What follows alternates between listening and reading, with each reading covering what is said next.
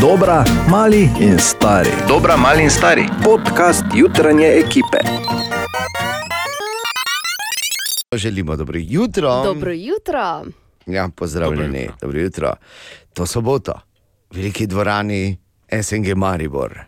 Kako bo delalo, no? kako bo pokalo, kako bo cankalo, kako bo letelo, kako se bo pretakalo, kakšni konekšni bodo to, kakšni komplimenti, kako se bo kričalo.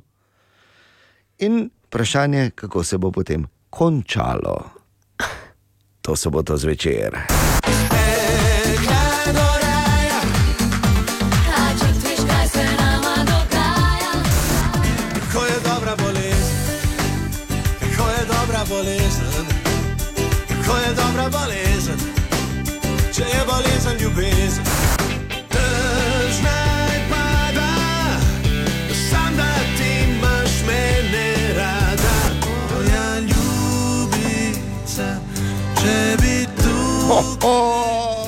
Janči. pride Jan, končno, ki si tako dolgo hodil, Ja, Jan. Ja, res. Zakaj te ni bilo nič v Mariboru? Katastrofa. In to bo pravličen večer, kot sem rekel. Tam bo cankalo, se pretakalo, tam bo. Fuh. In tam boš lahko, ne na zadnje, tudi ti na prav poseben način in nekdo s tabo. Kot smo rekli, imamo dve super vip, oziroma dve, ja, dve super vip doživeti, pravzaprav skupaj z tako imenovanim meet and greetom, oziroma skupaj s tem, da se z Janom seveda tudi srečaš, pogovoriš, a, pofotografiraš, Moj alter ego sodeluje. ne gre žal. Ja, pa bo. Od dalje pa seveda potem v lastni režiji. Ne? To imamo, naj morda preden razložim, kako uh, do teh dveh vib doživeti Janovega koncerta, to soboto v veliki dvorani SNG Maribor, Bor, uh, ko se omenja vib, vemo, ti si pravi vipovec, pravzaprav izvorni vipovec, uh, tudi na tisoče mit in gritov dal skozi. Običajno so oni srečevali tebe, včasih tudi ti koga.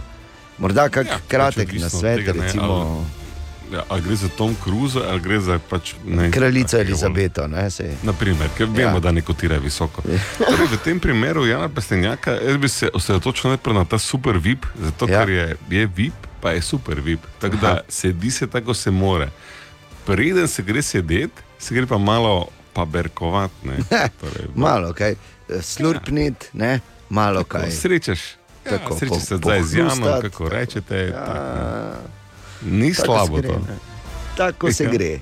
In to lahko imaš ti in jo povabiš ali ga povabiš, kakorkoli že, to soboto na nepozaben večer. Ampak kako priti do teh dveh super doživeti? Sistem je izjemno, izjemno, izjemno preprost. Kadarkoli boš, samo poslušati treba radio, namreč, ne? kadarkoli med sedmo in deveto uro, od danes naprej pa do petka, slišiš, Pa je, da je iz Maribora. ampak ne samo ta začetek, ne se bomo zavrteli celo, zato da se zdaj še ni sedem, zdaj je lahko. Kadarkoli med sedmo in deveto slišiš tvoj song, Jana Plestenjaka, ampak velja samo med sedmo in deveto zjutraj, nič dve, 290, 90, 90. In hop, kdo je prvi, ima super vib doživetje. Čist Okej. preprosto. Ti, ja, Ana, Napisala tudi zvon, zvonka ne bo mogla, niti ne Riko, Pa- eh, Bor, ker vidim, da vseeno so postale tvoje oči Pa lačne. Nekaj tu, jaz samo pač ne morem. Bor, lahko pa ti Ja. dobiš, pa kar je plus ena, veš pa. Bi se pol poklopilo. Naj ne? samo povem, da Bor tudi lačne oči, nemirna duša, kot ti je postala, ko govorimo o koncertu Jana Plestenjaka v Mariboru, boš moral najti, drug način. Zate pa torej velja, kadarkoli do petka, med sedmo in deveto slišiš tvoj song, nič 2, 290, 90, 90. Dobro jutro. Dobro jutro. Dobro jutro. to sem se najbolj veselil, ko ni Katja. Ne? O, Ja, tedenski horoskop. Je v redu. Ja, mi ga je poslala, pa pač moram zdaj. ne. Tako da poslušaj. Ja, dve Nimam- uhi smo, kaj Ja, ne okej, vidiš. v redu, v redu. Vsi. Par smo z borom. Ušes. Res? Ja. Ti si leva, ne? zanimivo. Ja, ti pa desna. Par všeč, ja.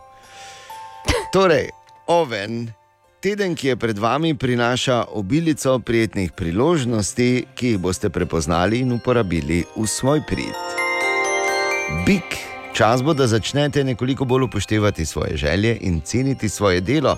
Imeli boste dovolj časa, da si naredite načrte in si začnete postavljati prioritete.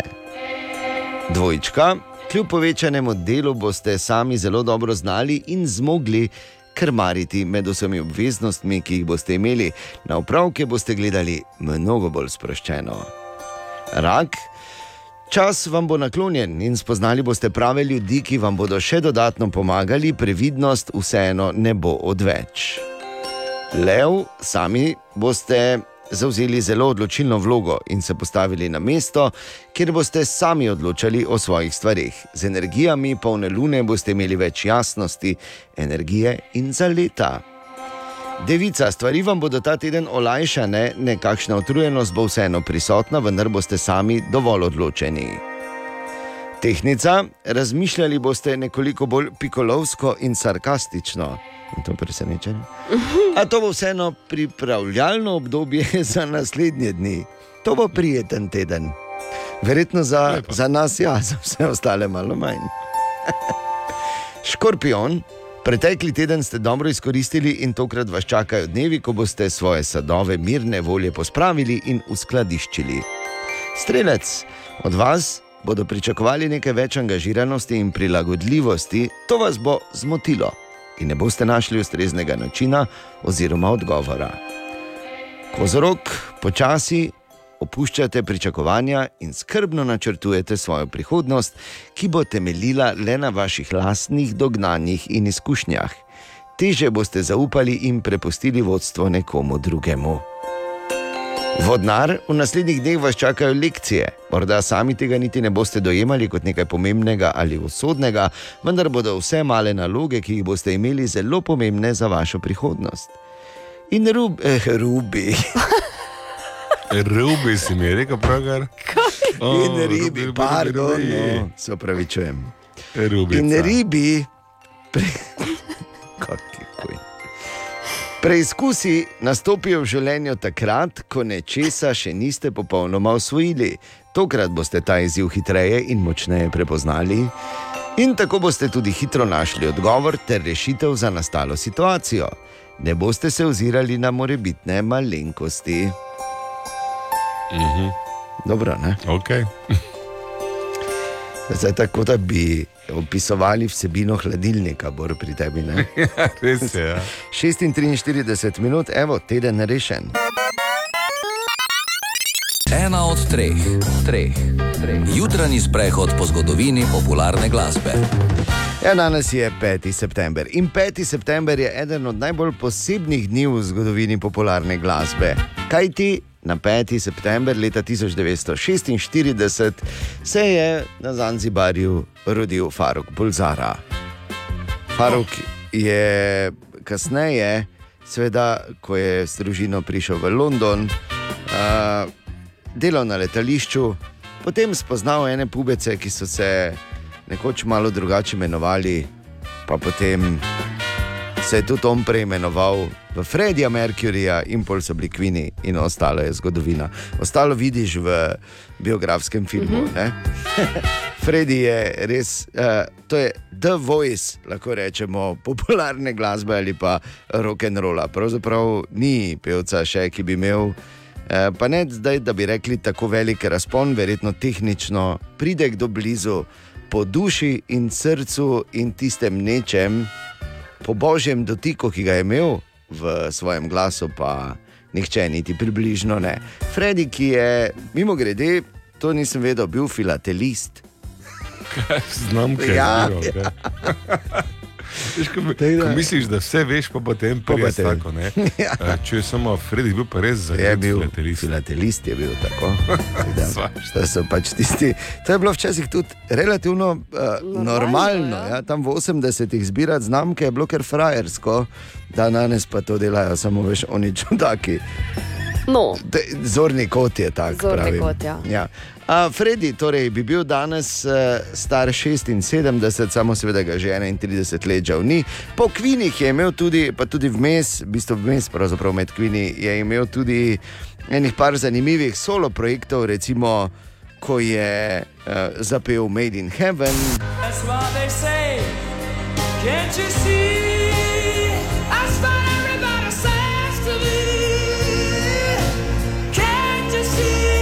Ali pa The Great Pretender. Oh, yes. I'm the great pretender. Pretending I doing what Ali pa denimo Love kills.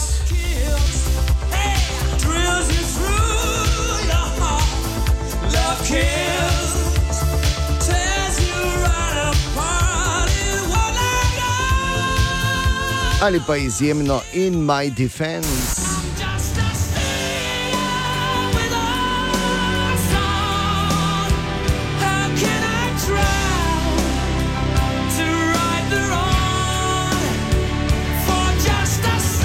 Ampak njegovo najboljše delo in najbolj nepozabni momenti pa so bili skupaj s skupino Queen.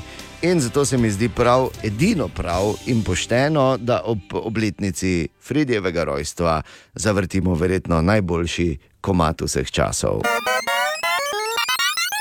Ko človek malo lista po zanimivih naslovih, našel en dokaz, da je Taylor Swift, ki je seveda izjemna glasbenica, izjemna avtorica, ne moreš nič, izjemno uspešna, tudi, tudi izjemna šaljivka. Vemo, da je eh, napovedala, da konec oziroma v drugi polovici oktobra izide njen nov album z naslovom Midnight, ja. ki ga seveda nestrpno čakamo. Ampak je enem od intervjujev, ko so jo, pra, so jo postavili, pač, verjetno je dobila nekaj par tumastih vprašanj predtem, pa se je odločila, da bo začela dajati malo bolj uh, zahtevne odgovore. In ko so jo vprašali, kak je bil uh, ustvarjalni proces pri nastajanju novega albuma. Ne, to imajo, po mojem, glasbeniki full radi. Ja, kak je pa bil ustvarjalni proces, kako to poteka? Ne? In je rekla, to je uh, zelo preprosto.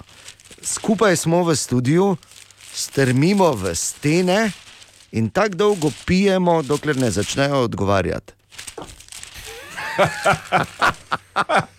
kar kul. Kaj? Si kar naredil eno kljukico, veš, ja, bravo, Taylor. To je po naključju je identičen proces za reporterja Milana, samo da se napije, ampak Ker ti veš, ne. tako so mi rekli.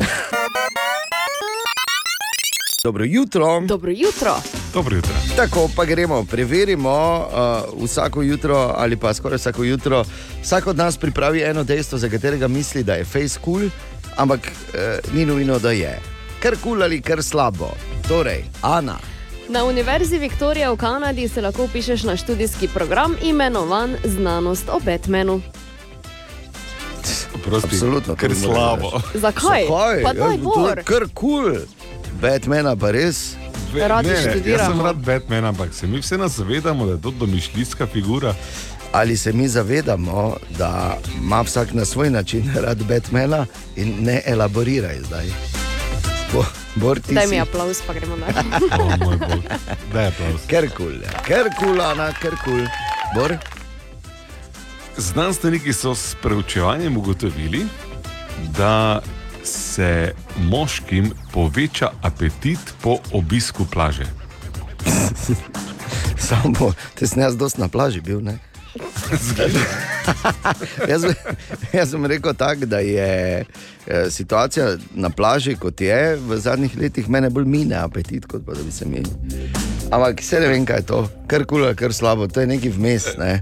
Ja, Tako da. težko reči. Se mi pa krafni, da zelo štali, veš? Se vse, ne? Ja.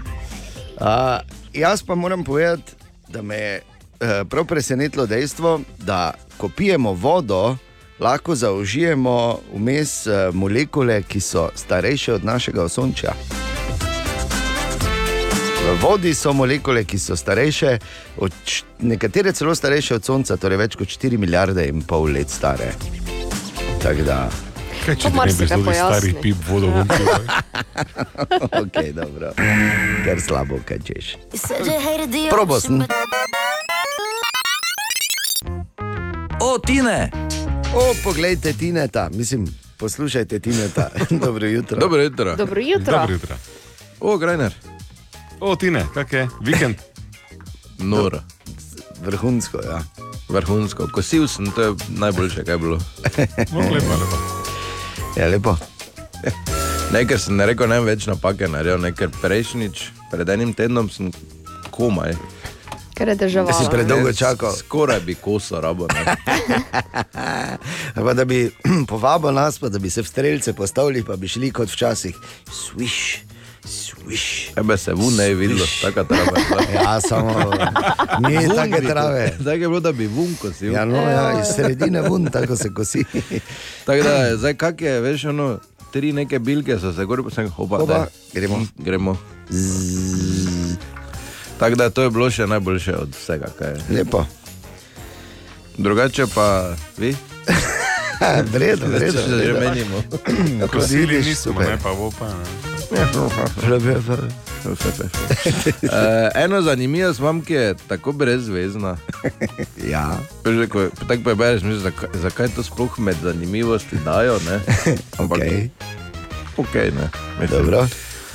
Uh, v Angliji imajo največjo indijsko restauracijo na svetu. 750 ljudi lahko- naenkrat sedi. No. Je, pa je, pa je indijsko. Pa je indijsko. Se- Čeprav 750 je tako, da bi ne vem, dve tekmi olimpije šle naenkrat. Ali pa, ali pa pol sezone domžal. 9 minut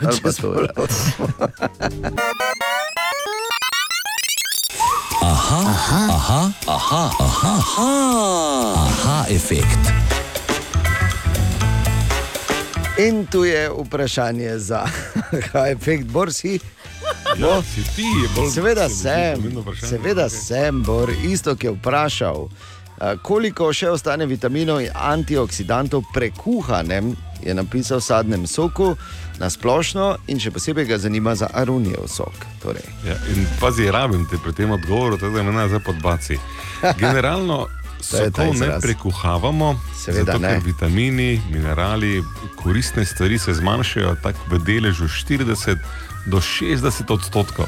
Sokovi se načeloma samo pasterizirajo, kar pomeni, da se pri določeni temperaturi jih drži dovolj dolgo, da ne, pač tisti mikrobi, za katere mi smatramo, da niso zaželeni tam, nek bejo lepo. Generalno. Pri aroniji je pa kako natančno, kolega je, tako pridelovalec. kot si rekel, v bistvu moram reči, da sok eh, pri nas iz eh, naše bio oziroma ekološke proizvodnje. Uh, butične ekološke proizvodnje delajo profesionalci, ampak je točno tako, da se stisne in se potem uh, za določen čas uh, na temperaturi, mislim, da 70 ali nekaj takega, v bistvu greje, tudi zato, da zadihtajajo flaške in da potem se, kot si dejal, pasterizira oziroma uh, pripravi za, za hrambo in tako stane. V bistvu sok neoporečen kar nekaj časa, ker kakor hitro pa ti odpreš, konkretno eko aronijin sok iz eh, butične proizvodnje. Pa ga moraš hraniti v hladilniku in v roku tedna dni, nekje moraš to stekleničko tudi sprazniti, sicer uh, ti mikrobi pa to začne delati in se pokvari, in potem to, ta dar narave v bistvu moraš zliti stran. okay. Zdaj samo še preostane, da na koncu rečem, bio naravni sokovi vedlin. Ni, ni tako. Drugače se bo imenovalo. Ali tudi vi pogosto totavate v temi? Aha, efekt, da boste vedeli več. Želimo dobro jutro. Dobro jutro. Dobro jutro. Ja, lepo pozdravljeni. Nov delovni teden in tu je eno univerzalno mariborsko vprašanje, s katerim lahko začneš praktično vsako debato. Ponedeljek zjutraj, recimo v službi ali kaj, ko pridete skupaj, pa rečeš, in je bilo zakaj? Radio City. Dokler seveda to ne vprašaš, če je bil zakaj, ne, se bo to poročeno, ko pride domov. Želimo dobro jutro. Dobro jutro. Dobro jutro. Ja, lepo pozdravljeni. Japonska. Dežela vzhajajočega sonca, Japonska, znana po japonskih češnjah, po gori Fuji, po samurajih, po gejšah. Manga ne kara- pozabi. Po, ja, po tem, po kara- Karateju, seveda. Tako, po karateju, po hitrih vlakih, potem da težko zraven prideš, če imaš kakšne ambicije. Čem še, čem še je znano? Ne pozabi, da to gre za deželo, ki ima najbolj moderne WC na svetu. Ne? Pa jaz ne samo na WC ostajam, oni so tehnološko pravzaprav zelo napredno deželo. Tako, naj samo rečem, vidite, zato bo idealen kandidat za župana, ki vedno pomisli, vidi širšo sliko, pomisli na vse, tudi na riti. Lepo. Kot župan moraš na to misliti tudi, ne? ampak dobro, pustimo.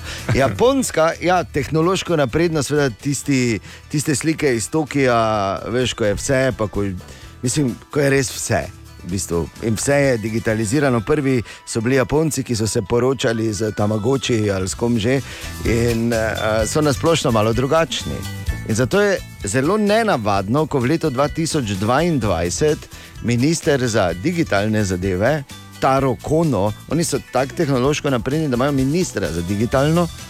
Taro Kono je gospodu ime, da je zelo nenavadno, ko izjavi, kje sploh človek kupi floppy diske dan danes.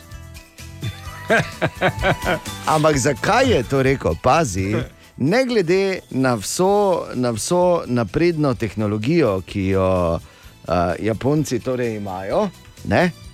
Še vedno imajo zelo, zelo uh, zastarelo, uh, tehnološko poštimano administracijo, kajti trenutno je še vedno okoli 1900 različnih procesov in procedur v, znotraj delovanja vlade, za katere potrebujejo floppy diske.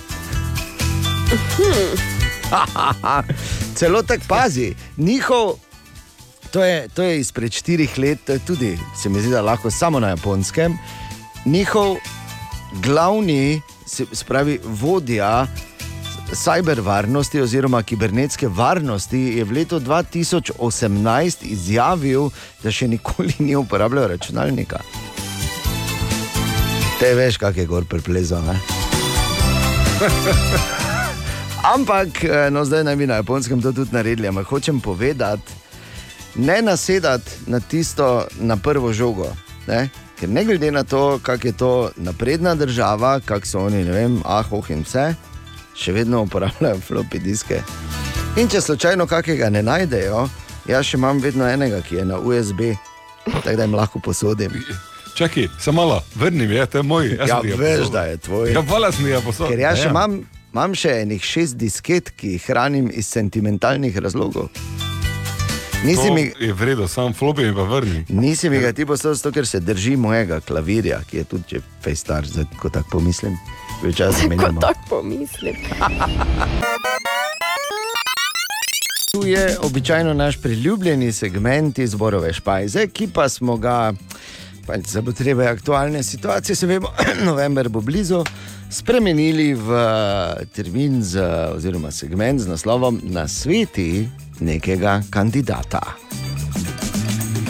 Stara mariborska županska modrost pravi: Ni treba vedno pošten biti, važno je, kaj zgraditi.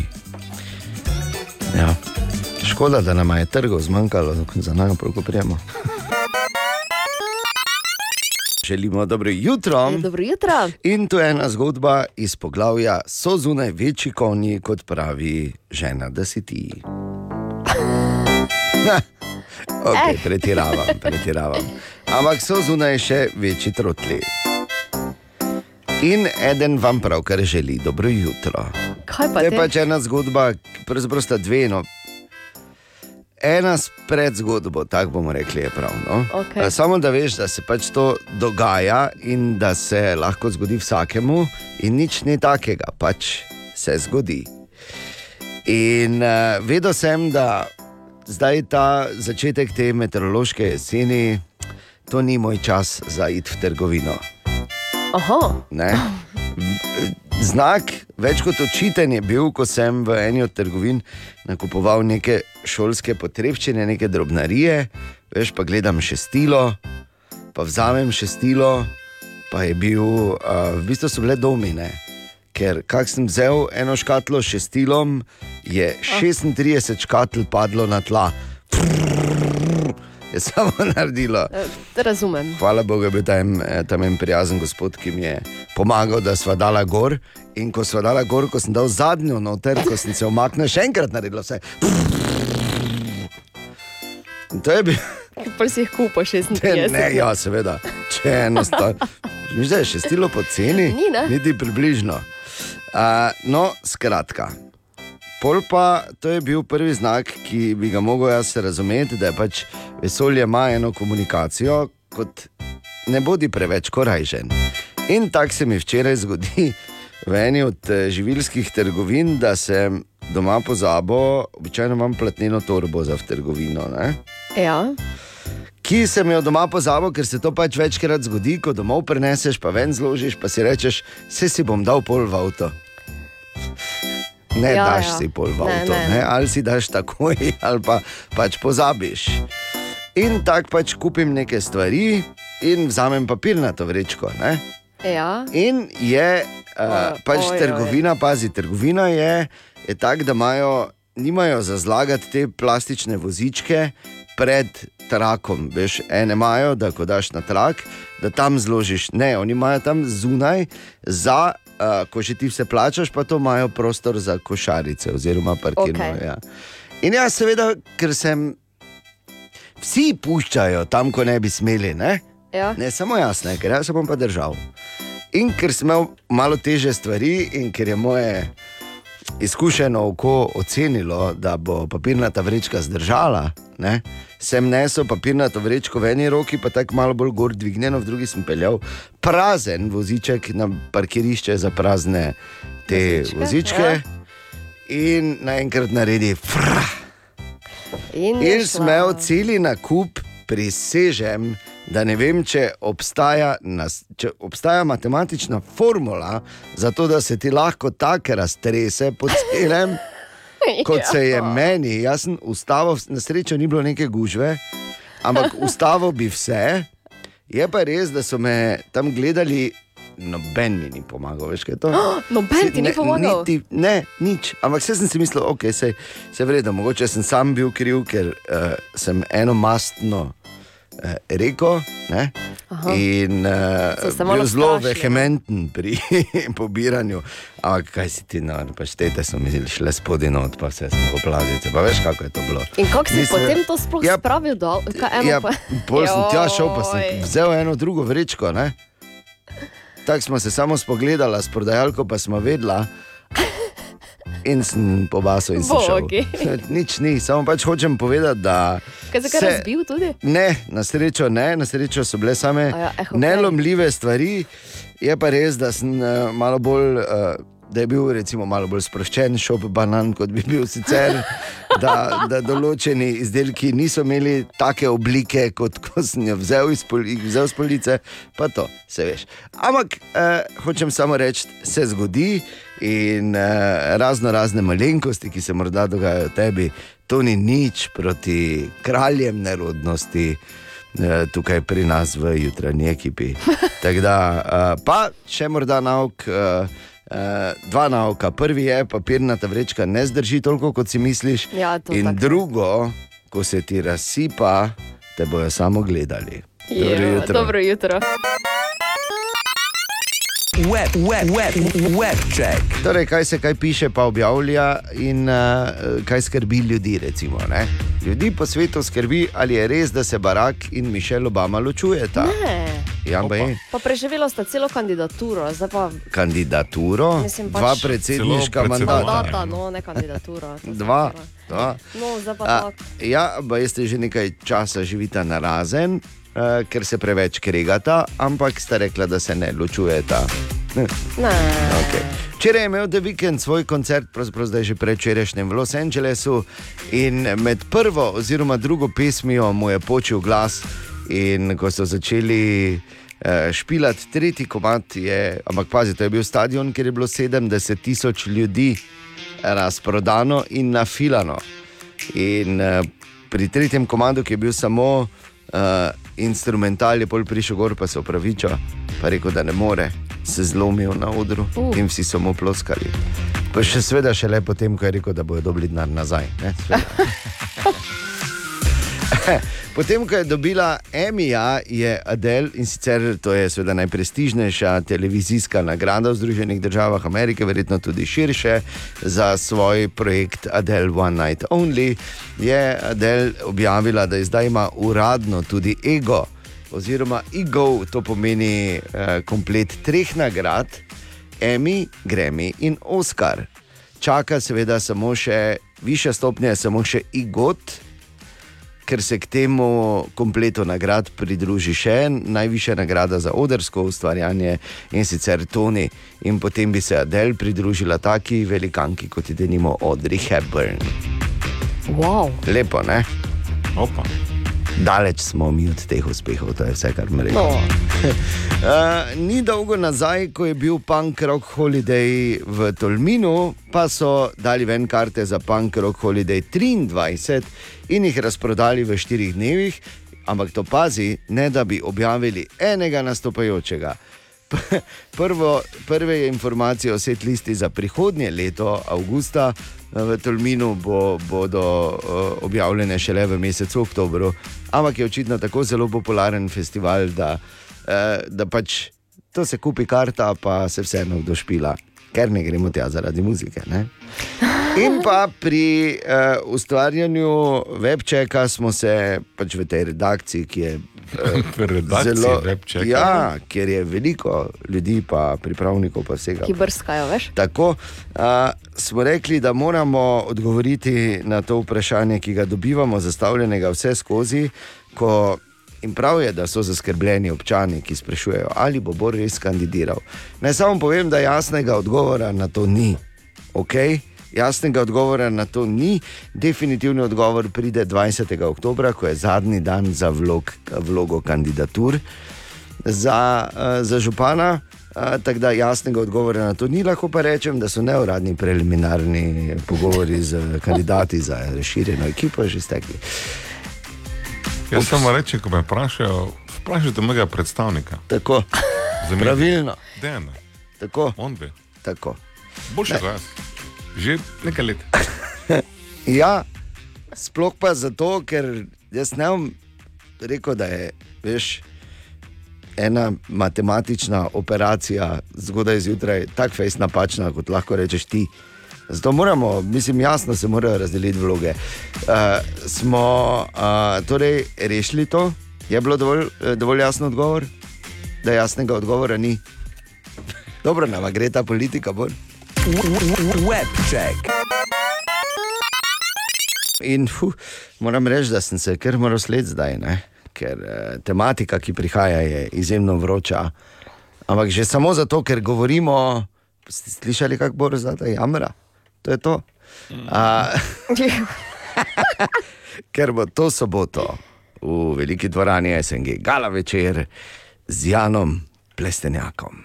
Jan bo prišel gor, ja, tako Daj, točno, Borno. tako bo naredil. Tako bo naredil. Mm, in bo to to. Ne, prišel bo gor in bo zagotovo zapel nekaj svojih novejših, kot je recimo.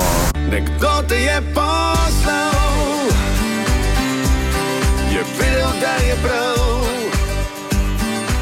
Ali pa Človek brez imena, tujec sem v mestu. in pa seveda. Meni dobro je, leta tečejo, časih hranijo, časih ljubijo. Oziroma tako imenovani Janov Merkator program. Po bo pa še.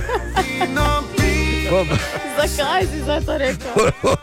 Tako mat več nikoli ne bo isti. Daj, no. In pol bo šel zagotovo. Muzika, ne, Ja, tako med svoje uh, legendarne, kot so recimo. Pustil ti bom sanje,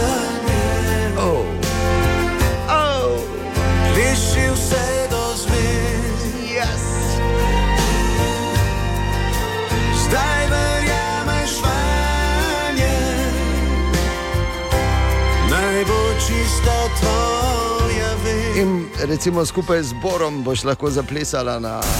Daj povej, si ok, zdaj ko trkaš na moja vrata. Oziroma, kot bi rekel Jan. Oh. Že imaš koreografijo, vidiš? Ja, veš, da. In zakaj to govorimo? Ne? Zakaj to govorimo? Zato, ker imamo danes, in, oziroma ne danes, lahko je danes, lahko je jutri, lahko je v četrtek, lahko je v petek.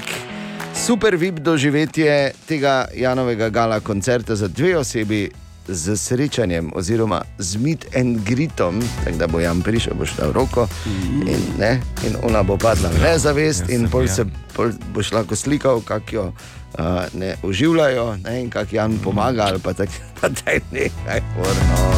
Kaj, res? In ne pozabi, da lahko dobiš eh, zelo preprost način, kako dobiš eh, ta, ti dve vi postopnici z Mitem Gritom za Jana to soboto. Uh, v veliki dvorani SNG Maribor, čist preprosto je, nič 2, 290, 90, 90. Če med sedmo in deveto, katero koli jutro, med sedmo in deveto slišiš, ampak samo ta hit in samo med sedmo in deveto. Kaj sem rekel med sedmo in deveto? Tako in to ta teden do petka. ne? Tako, tako, tako. Kateri koli dan, lahko je danes, lahko je jutri, četrtek ali petek. Kot sem rekel, katero koli jutro med sedmo in povedal. Želimo dobro jutro. Dobro jutro. Ja, tudi danes mi pomeni Ana Borindejan. Ne? In danes je že torek, 6. september. In jaz sem razmišljal, ko, ko gledam, da je naslednji hit eh, Ferrari, James Hype in pa Migi de la Rosa. Super ime, mimo grede, ne? da se lahko premaknemo iz teh uh, uh,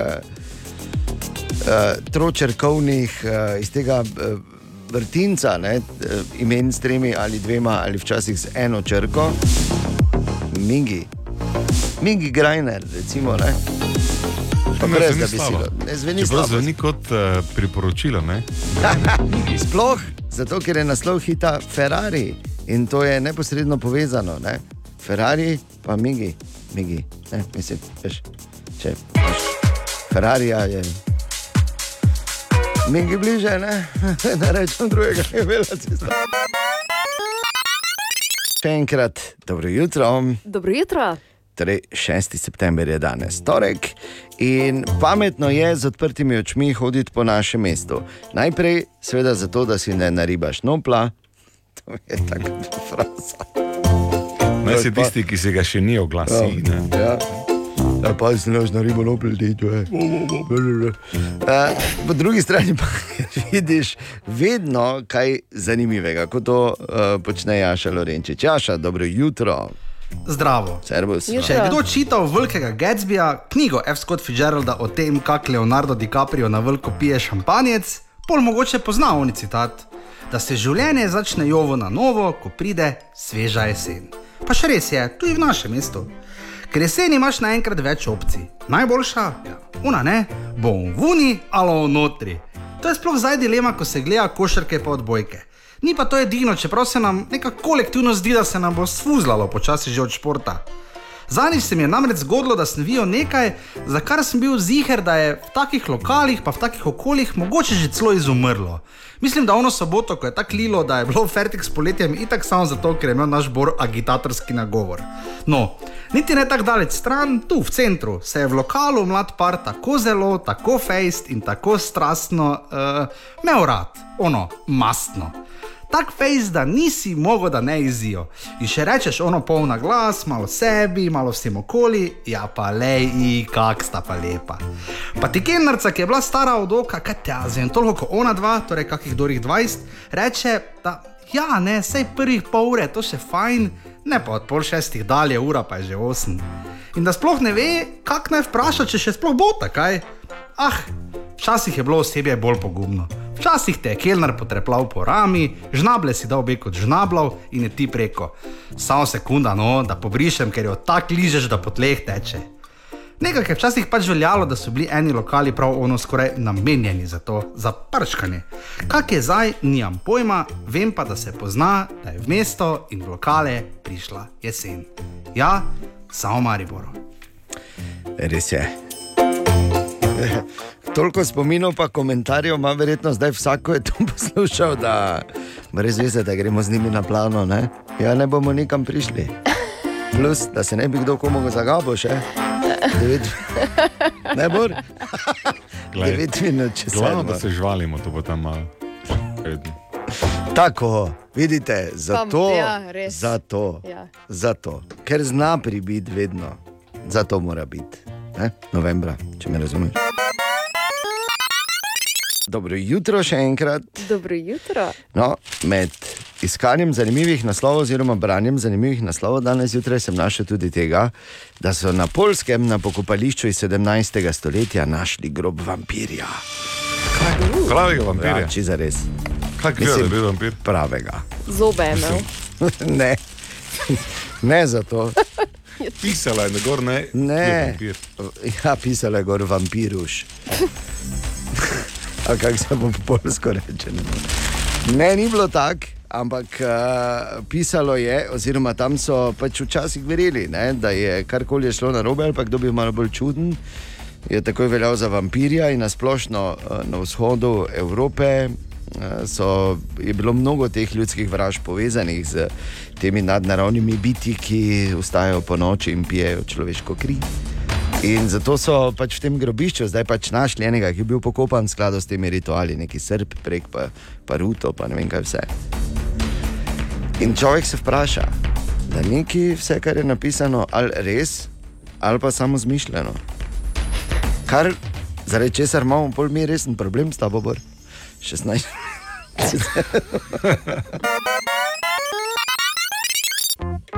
O, Tine! Tine, dobro jutro, lepo zdrav. Dobro, Dobro jutro, Tine. Jutro. Živijo. O, Grajner, kam se zaganjaš? No, Ponovadi pa te te se čakam. spodobi pozdraviti, ne? Res je. Dobro, jaz sem imaš prav, samo pravim ti, da te čakamo. zdaj Pa... Ja, tak si kot poštar, ne Mene se predvidljiv. pa, priznam, da se mene običajno čaka, ampak običajno tudi je vredno, ne? Mislim, se splača. Ja. Tako, tako, tako, tako. tako. Tako? Lepo je. Ti ne moreš vedeti, da je ta efekt živalskega sveta. Živali se vedno postavijo na zadnje tace, da izgledajo večje. Ja. Ja. Naj samo povem, da je danes Tine, ko je prišel, je rekel: Tako imam poln ta predal, ker imam te zanimivosti, da mi poka. Če pa mi prav zašteka mi telefon, Ja. ja. veš, ker ko dol Preveč je. skrolam, pa je Preveč dobrega. Ne? to zdaj zelo relativno, ne? kaj je tu dobro. Povej. Recimo, astronomi so ugotovili in določili, da središče naše galaksije hm. uh, diši po rumu in ima okus po malinah. Lepo. Kak so to ugotovili? Jaz ne bi vedel. To je ena od onih stvari, veš, ko lahko rečeš, kaj hočeš, ker ne more noben preveriti. Ja, Ker vemo, v središču je črna luknja. ja. Črna luknja pa vemo, po čem smrdi. Če, če rečem poriva, se ne bo dobro končalo. Klebor. Kaj? Včasih, včasih mora kandidat zadržati kako misel zase. Ja, ja, tako, rekel, da ne bi. tako, to je bil taki primer. Hvala ti. Ne. Tu je vprašanje za Hajfek za danes zjutraj in sicer je pisal Sebastian, ki sprašuje, zakaj psi točejo staco po tleh, ko jih praskamo, zdaj odvisno, ene po hrbtu, ene po trebuhu. Pa začnejo tako goniti. Efekt, ki ni nepoznan, mogoče tudi kaki dami doma. Ne? Začne tako trzati. ko ga- Ko ona praska, seveda, nekaj Ja, praska. no, ja, seveda, logično. Ne, ko se Nenko, Nič ne bom dodala. Nenko s Matinko, ne, malo začne staco točiti. Torej, Sebastian, eh, odgovor seveda dobiš, zakaj ta refleks v high-efektu.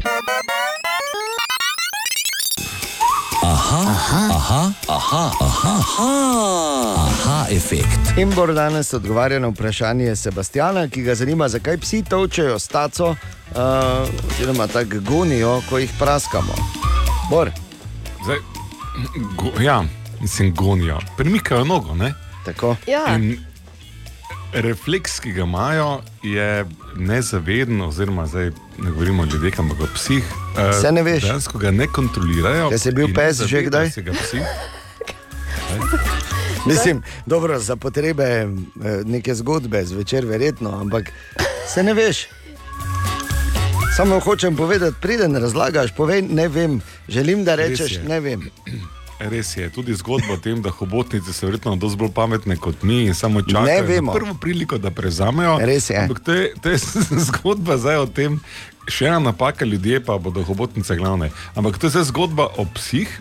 Ker oni s taco miga, ko jih ti čokaš. In zdaj znanstveniki pravijo, da je to ista zgodba, kot če jaz tebe s kladivcem po koleno. Ping, ne moreš ti tega ne preprečiti, in če ne gledaš, Opa, lahko. se tudi tega na fejs zavedi. Mislim, zdaj. Če spustiš nogo, La, Bor, se gremo hipotetično, da ti Ja. prideš s kladivcem in rečeš, da jaz te bom po kolenu. Ne, Zagotovo lahko to preprečim. Ne, ne, ne. Če ti napneš mišico, ne, seveda lahko to preprečiš, ampak če imaš nogo sproščeno, se ne zavedaš, da boš dobil tja udarec, ping, ne moreš preprečiti. Ne, zato ker sploh do udarca ne bo prišlo, razumeš? Ti si rekel, ne moreš preprečiti. Seveda lahko. Ok, se lahko zdaj zmenimo samo eno stvar, mogoče. Ne? Hvala za 10 sekund neprekinjene razlage, ki sem jih dobil danes zjutraj.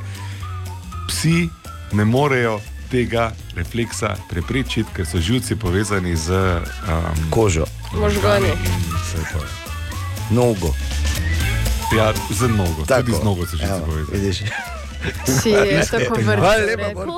Vidite, zato, zato, ne, zato je on kandidat. Ali tudi vi pogosto totavate v temi? Aha, efekt, da boste vedeli več. Ja, seveda je žal prva tema v našem mestu uh, te dni. Uh, Ta poskus umora v našem parku, in eh, to seveda odpira številna vprašanja v iskanju odgovorov.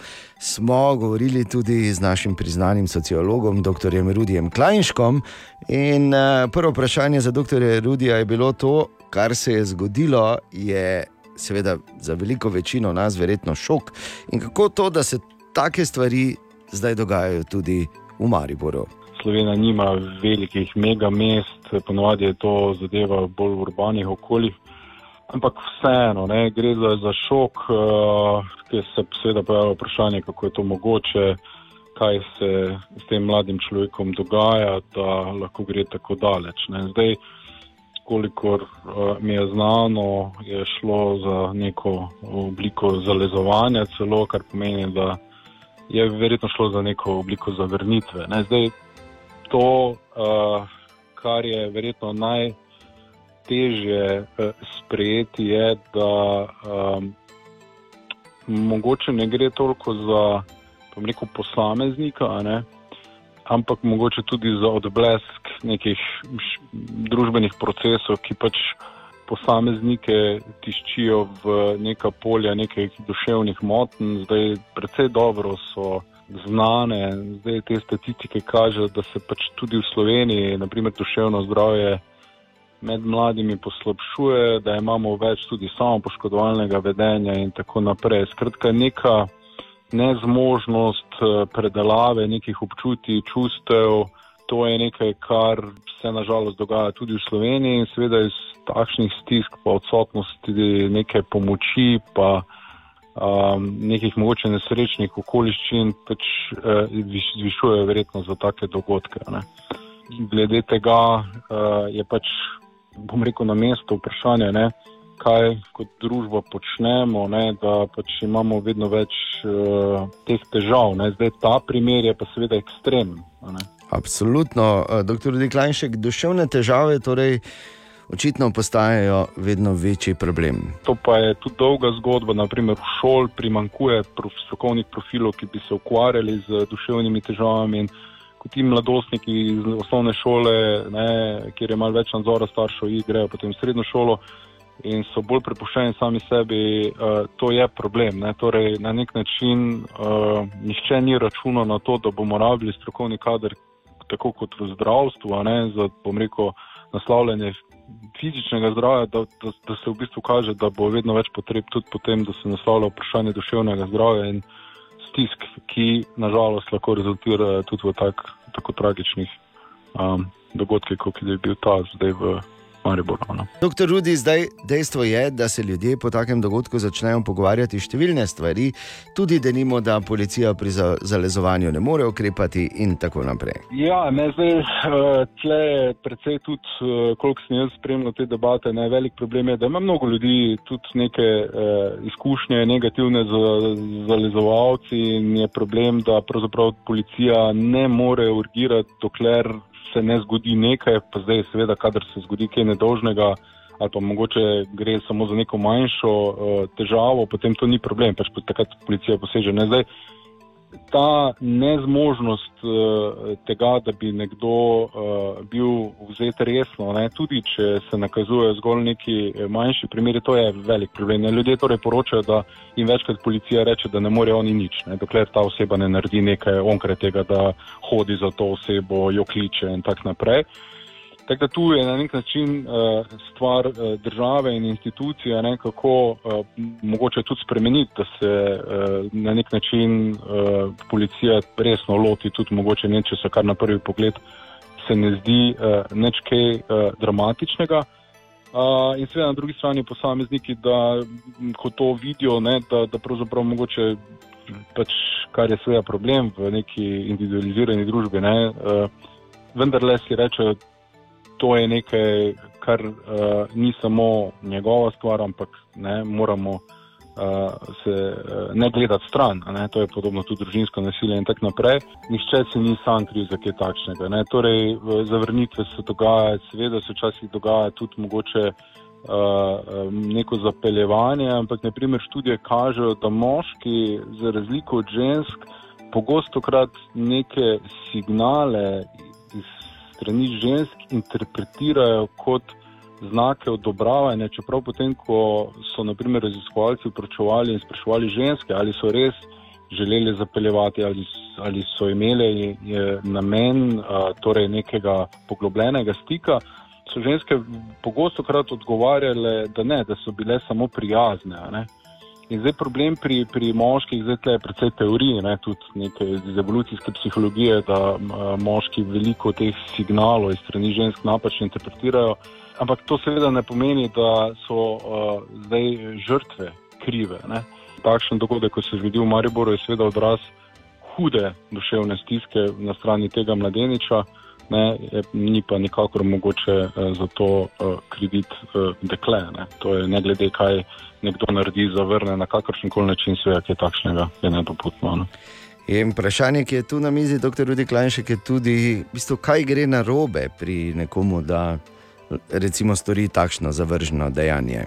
je uh, en kolega, ne, psiholog, rekel, da danes je problem uh, tole, ne, da ljudje imamo, za razliko od preteklosti, od česa živeti, nimamo pa zakaj živeti. Ne, in v tem odsotnosti smisla se mogoče tudi pretiran pomen daje neki romantični zvezi ali pa se posamezniki poskušajo tako zapreti v nek mehurček, poiskati nek stik uh, topline, zavetja v okviru teh odnosov in potem so uh, zavrnitve veliko bolj naporne, ker uh, zunanji svet je mogoče bolj grob. Uh, in zdaj, če je nekdo, naprimer, že še predisponiran za neko negativno izkušnjo iz otroštva, pa mogoče tudi biološko, ne, uh, torej neuroznanstveniki tudi veliko se ukvarjajo s tem, kakšna je variabilnost na ravni možgan, da so eni predisponirani za uh, seksualne eh, plenilce, serijske morilce in tako naprej. In zdaj, če se to zloži v neko neugodno, bom rekel, kombinacijo, kar se je očitno zgodilo tu, potem privede to do uh, takih tragičnih dogodkov, ne, ki so sicer vedno obstajali, ampak odvisno od družbe je tudi odvisno, koliko tega bo več in manj. Ne, nažalost, ko se gledajo te statistike, tudi glede duševnega zdravja, bi lahko eh, nekako rekel, ne, da se bo to, takšni neljubi dogodki, eh, eh, da jih bo vedno več. Doktor Rudi Klajnšek, naš priznani sociolog, najlepša hvala za čas, odgovore in uh, zanimiv razmislek. Torej, razmislek pa mora biti tudi, se mi zdi, pri vseh nas, pri vsakem posamezniku. In pogledajte okoli, pazite na se. Zdaj, uh, moram eno stvar, najprej seveda želimo dobro jutro, to Dobro je jutro. osnova. Eno stvar moram zdaj povedati, uh, naša Ana, ona je ker smo malo nazaj govorili o Janu Plestenjaku. Ja. Ona, Ana je uh, bila nekoč izvrstna plesalka, mislim, se še vedno izvrstna plesalka. Bomo ampak pri nekoč ostali. Ne, ne, ne. Ampak nekoč je tudi nastopala številnimi zvezdniki, zvezdnicami, mednarodno je plesala, ne, kot se. Mi smo tudi mednarodno plesali, samo je drugače izgledalo. In uh, Ana, to sem te mislil vprašati, ali si kadarkoli nastopala z Janom P. Ja. Resno, bravo. Resno, ja. Bravo. In to v SNG-u. Daj nehaj. Res. Pa, Ja. Leta, leta nazaj. solo točka. Ne, solo pa A ni bila solo, skupinska točka. Vse vseeno. Torej, Jan, ko je nastopal leta nazaj v SNG-u, je tam bila tudi Ana.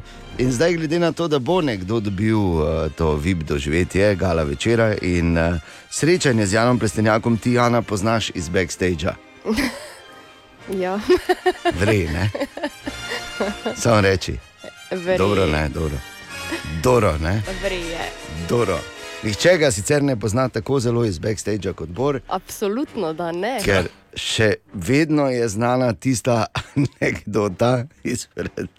Čakaj, to je bilo pet, če se, se, se, se, se izpred. Pa par let nazaj, no. Ja, bomo rekli kar eh, skoraj 25 let, 23 let nazaj, ko je Jan še bil zelo na začetku svoje kariere, pa je nastopal na Lentu in je izgubil po, pogodbo. Nekateri je pisalo, koliko zasluži. In v življenju ne bom pozabil tega prizora, ko ga je Borga je v bistvu, mislim, da rešil, ker je našel njegovo pogodbo. In sta tako stala kot dva hengsta, ne? mislim, dva prava, ne vranca, takrat še niti en, niti drugi nista bila siva, vsaj ne omembe vredne sivine ni bilo eh, na lasišču, stara sta pa tako približno isto. In uh, sta se tako pogovarjala, in se spomnim, da je Jan Boro razlagal. Pa ne, se ne, da ne bi, samo se veš brez veze, da se vidi, mislim, star, star, brez veze, da se vidi, koliko jaz zaslužim, mislim, brez veze. Bor pa seveda, ja, ja, ja. Ne, Na- na ne, ne ne. bom pozabil te slike, glej, ne bom. Da, da bi šel, ne dve, štiri karte si bom šel kupiti, res. Samo da bom podoživljal to zgodbo na gala večeru z Janom v SNG, kjer je lahko nekdo od vas vip, ne pozabite. Kaj naredi Jan Špago, Ana, Pa dobro, da je no. če si plesala z njim? Web, web, web, web check. No, pa poglejmo, ker vem, da vas zanima, Seveda ko nas. stari gleda okoli. Torej, Ja. Webček. Poskušam biti shiny, happy people, sem malo zgodaj. ne. Prezgodaj je. ne? Ja. Uh, v bistvu sem govoril tokrat o sebi, ampak lepo, da vzameš na sebe. Vidite, zato je on popoln kandidat. V bistvu, ne? okay, gremo, uh, uh, velika afera se je pojavila na uh, premieri uh, novega filma s Harryjem Stylesom in Chrisom Pajnom v glavnih vlogah. V Benetkah, Don't Worry Darling je naslov filma. Ampak uh, splet je ponorel, ker je ena, en posnetek, ko Harry Styles pride, pa tako da Krisu Pajnu pljune, Oh. eh, kot da ga pljune in se vsede nazaj. In to je cela, cela drama zdaj eh, nastala, ker je hec, da se ne vidi, da bi pljunil, ampak ta Kris Pajn neha tako vmes ploskati, malo kot ko da sto tem je. Ampak eh, seveda so to demantirali i PR-ovci od enega in od drugega, je pa to poučena zgodba, Bor. Uh, moramo uh, tudi na to paziti, kaj ti, uh, veš, ko boš mogoče ti sedel potem nekoč od novembra naprej s kako znano osebnostjo, veš, in se boš tako mogoče malo, uh, malo na stran nagnil, to se bodo takoj na tisoče občanov in občancev začelo spraševati, ali se je župan samo udobno namestil ali je spustil golobčeka. ne. Tako. Pisalo se bo o tem. Prav to. Okay. Še ampak ravno tu bi bilo, po moje, ne, kar se župana tiče, treba narediti neki korak naprej, ker tudi župan je samo človek, tudi on vetri Spusti golobčeka. Se mora nagniti. ne. Seveda je na spletu tudi veliki, uh, velika raziskava, oziroma veliko vprašanje, ali sta se Adel in Rich Paul na skrivaj poročila. Je, ne samo povem, Adel, koga vraga to briga. Ti si samo fajn mej. In pa uh, Jason Momoa, oziroma Aquaman, oziroma veš, ko pride na Gospod telo. Ja, ko pride na olje, in ko samo češ, top, top, top, top, top, top, top, top, top, ko padajo, ne? Mhm. Ta, ta, ta, ta, ta, ta, ta, ta, ta, kot domine. Ta, ta, ta, ta, ta, ta. Jason Momoa je pokazal svojo novo frizuro in sicer je svoje dolge lase uh, čist dol pobril, tako imenovani buzzcut je naredil. Jason Momoa oziroma Aquaman več nima uh, dolgih kodrov, ampak uh, ima tako frizuro kot jaz. Ja, glej ga, Po meni, glej. ja, lepo. Ampak zakaj je Jason Momoa to naredil? To je naredil zato, da opozori uh, na škodo, ki jo temu planetu delamo s plastiko za enkratno uporabo, in seveda želi, da se mu pridružijo v boju proti plastičnim vilicam in tistim plastičnim krožnikom, ki potem končajo običajno v oceanih, in to je grozno. In seveda podpiramo, če se nam bomo najbolj pa seveda zato, ker ko smo se zadnjič menili, me je videl pa je rekel, aha. Ampak on to naredi, o tem se vsi menijo, ko se jaz tako postrižem, pa noben ga ne briga. Tri minute pred pol sedmo. To je ta žalostna realnost, zbor, ne? Ja. Webcheck. Ena od treh, treh, treh. Jutranji sprehod po zgodovini popularne glasbe. In danes praznuje že svoj 79. rojstni dan Gloria Gaynor. Gloria Gaynor, oziroma na kratko kraljica diska. Samo res je. Ja. V bistvu i- jo bo glasbena zgodovina poznala, pravzaprav zares poznala po enem samem hitu. Čeprav je Tako. bila kar uspešna z recimo tem.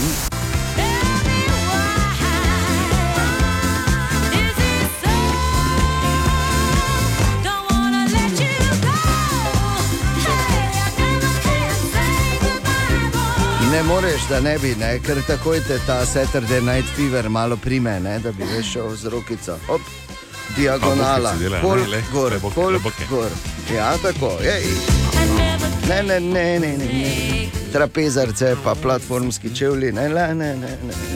Frizura, kot jo ima Boržje, vse skozi. Vse to.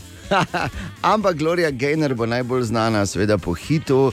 Uh, Zara, za katerega zanimivo pri, so pri založbi menili, da eh, eh, če bi, bi to sploh dali, se to ne bo neki hit. Eh, ne bo neki hit. No, v bistvu je bil hit. Ne, njen največji in je definiral pravzaprav celi žanr ali pa celo podzvrst, glasbeno podzvrst, uh, katere kraljica je bila Gloria Gaynor. To je I Will Survive, vse najboljše Gloria za 79. Ana Borindejan, želimo dobro jutro. Dobro jutro.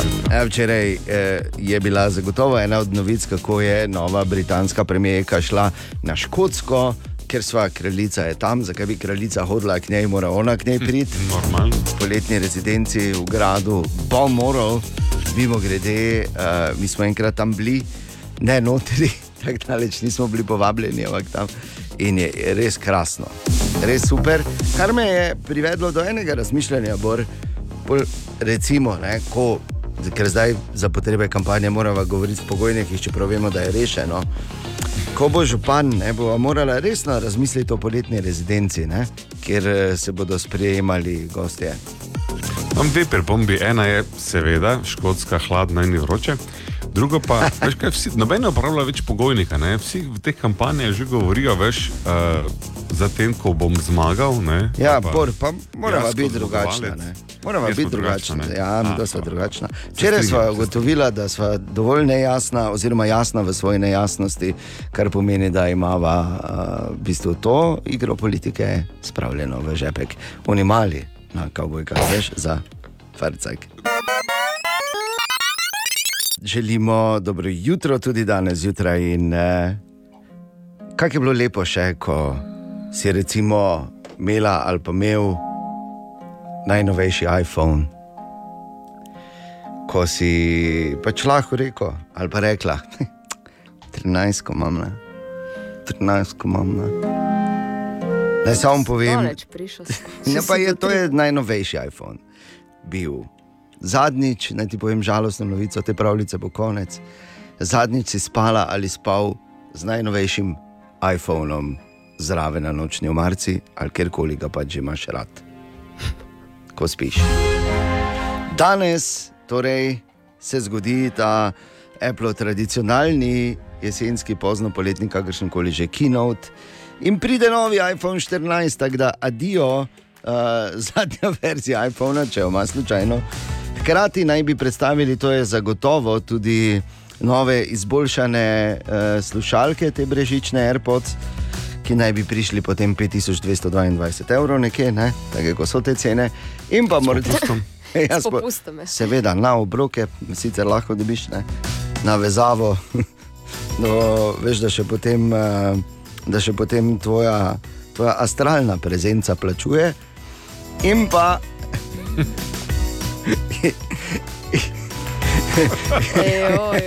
In pa morda Že celo. 20 let, mr... samo malo, kam pa vi, Kam pa? Vedlin? Ja. Eh, Vedlin je mrtev, ne, ne, ne, za astralno prezenco njegovo govorim. Ja. Ja. Še imamo nekaj dolga za Dajmo iPhone to pokriti, 45. ja, tako. In pa verjetno novi iPad, pa pač karkoli bodo predstavili, bo AI. Mogoče tudi Daj novo nehaj. to uro. Ja, res. To- Res, Aha, razodetje. Ja. Morda bo Bor to tudi spremljal. Uh, Ja, mislim, zaenkrat strokovnjaki napovedujejo, da so premiki, seveda, um, Apple je z svojimi novimi, bolj učinkovitimi čipi um, orje tudi pri telefonih. Ampak to, kar je zanimivo, po drugi strani Evropska unija sprejema zakonodajo, ki bo nalagala proizvajalcem telefonov, da pet let in več dobavljajo rezervne dele popravljavcem. Kaj pomeni? da boš ti zdaj, ko kupiš en iPhone, recimo zdaj je to 14, boš imel potem vsaj pet let možnost, da boš pri uradnih popravljavcih lahko zamenjal baterijo z uradnim nadomestnim delom. Je, jaz sicer sem daleč od uh, 14, ampak vidim, da glede na to, da bom lahko menjal uradno baterijo, da bom uh, kupil novi telefon, ko bo 22 kavuni, kot se reče. Tak da. Danes na štuku uh, prvi izmed treh. Uh, treh večerov, šov roka 22. To je seveda super, super natečaj, na katerem se predstavijo uh, mladi bendi, ki igrajo, seveda, tako se spodobi, ne? ki igrajo, ki ga žgejo. In uh, trije večeri bodo danes, pa 14. in 21. septembra, na to pa finalni večer 19. oktobra. 15 glasbenih skupin je prijavljenih, Vsaka skupina ima 20 minut časa za nastop, in vsaj polovica pesmi mora biti avtorskih.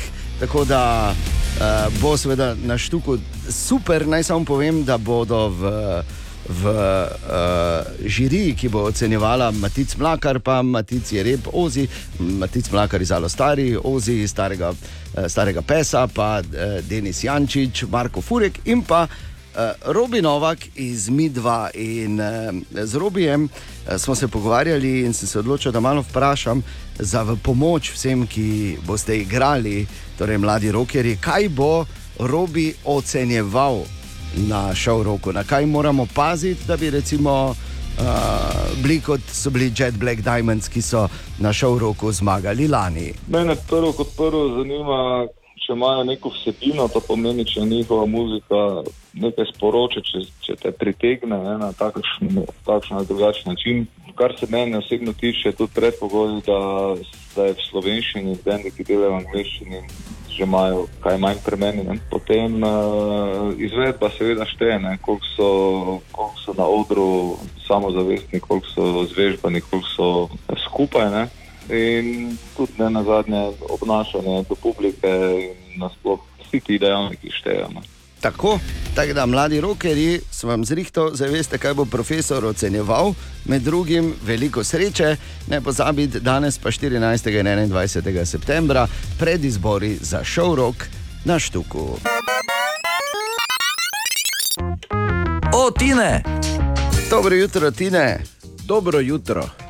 Dobro jutro. Good morning. Guten Morgen. Ja, včeraj je imel Tine hudo izkušnjo na avtocesti v Jezus grad eh, skozi neurje, verjetno nisi bil edini in uh, lepo, da si tu danes, to smo veseli. Glede na video posnetke, Ljubi Bog. dobro, da znaš, dobro, da znaš plavati. Ja, res je. Ja. Pa.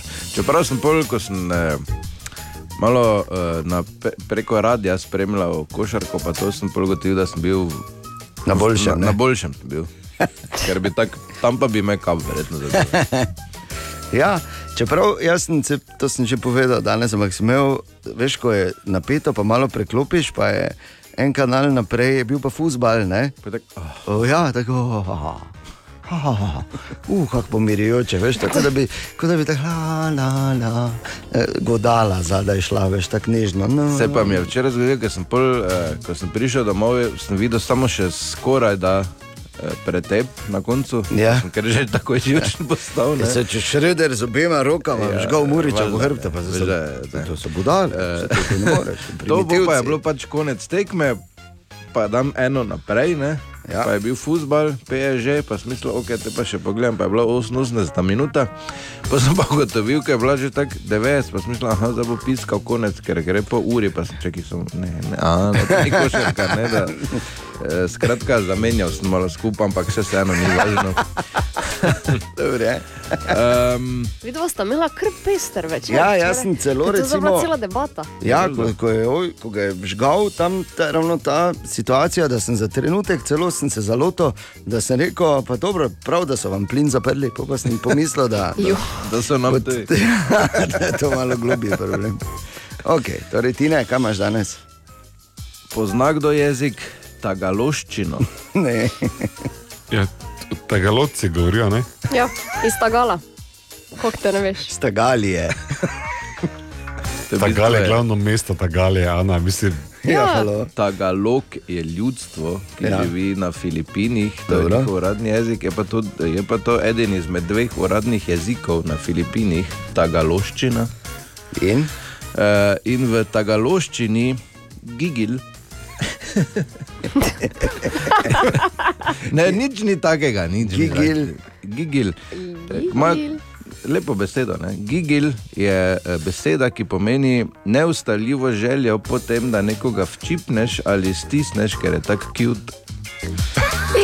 nekaj, ne samo povem, to bor pozna, uh, kako so njega ščipale po poštni včasih, ne? Pa so drle gigil, gigil, gigil, gigil. Aha, aha, aha, aha, aha, aha, aha efekt. Kristjan se je spomnil dveh štajerskih fraz, oziroma mariborskih fraz, bolj no, ki ju je slišal, ko je bil še mlajši, Finta Rudi in tečen si kot stara Muršička, pa ga zanima, odkot to izvira. Bor? Normalno bi pri Finti Rudi bila prva ideja, da to je mogel biti neki legendarni nogometaš, ki je tako dobro špilo, ne, da vsakeč, ko je bil pri žogi, kaka Finta Rudi. Ne.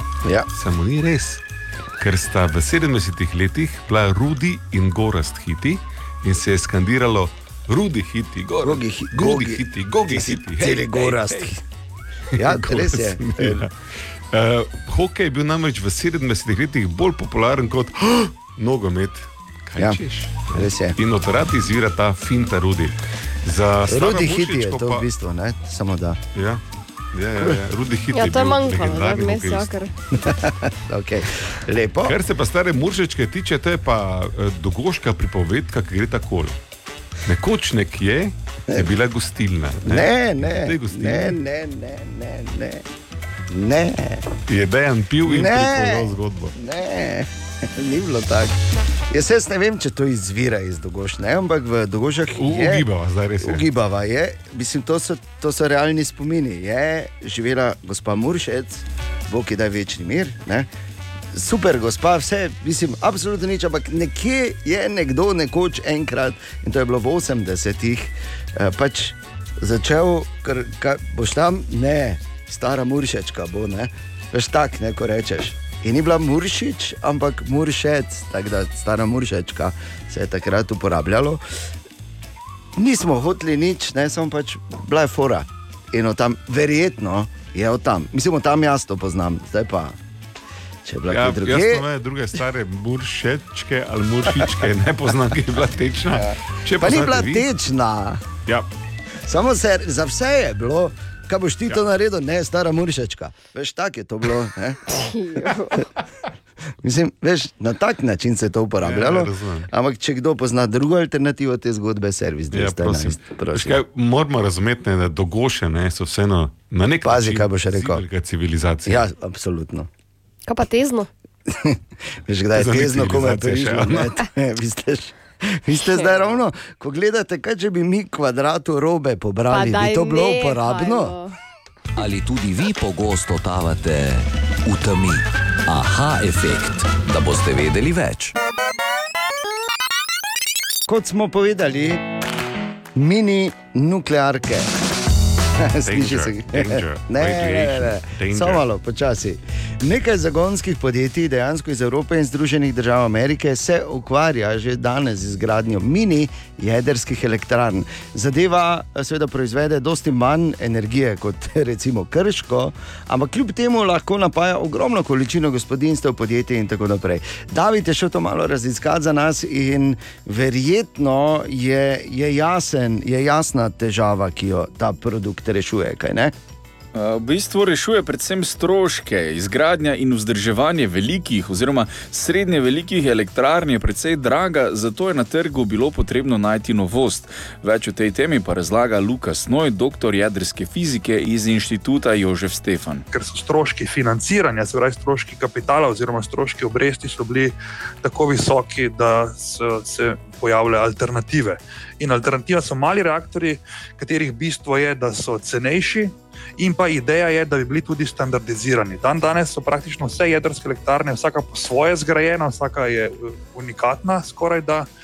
Tile mali modularni bi jih pa delali v tovarnah, kjer bi pač ven šli kontejnerji, v vsakem kontejnerju bi bil en reaktor in jih potem lahko zlagate, in z njihovim zlaganjem lahko naredite poljubno, močno elektrarno. Omenil pa je tudi en zelo zanimiv primer. eh, Država oziroma občina oziroma neko podjetje kupi en tak mini reaktor, potem tri četrtine porabi za svoje potrebe, četrtino pa lahko že izvaža oziroma prodaja sosedom in s tem financira svoj drugi reaktor, ki ga kupi kasneje. Z veliko elektrarno, kot jo imamo naprimer v Krškem, je to dosti manj dostopno. Ja, zanimivo, sicer pa se samo po sebi eh, poraja vprašanje, oziroma ponuja vprašanje varnosti. Ja, v bistvu, če ima vsaka občina eno tako zadevo, lahko hitro pride do česa neljubega. Strah je tukaj razumen, ampak profesor Snoj odgovarja. so načrtovani po principu pa- pasivne varnosti. To pomeni, da skoraj da ne potrebujejo uh, aktivnih sistemov, se pravi nekih sistemov, ki bi se mogli odzvati ali pa nekega zunanjega napajanja za varno obratovanje. Tako da so narejeni, da, da ne more nič početi.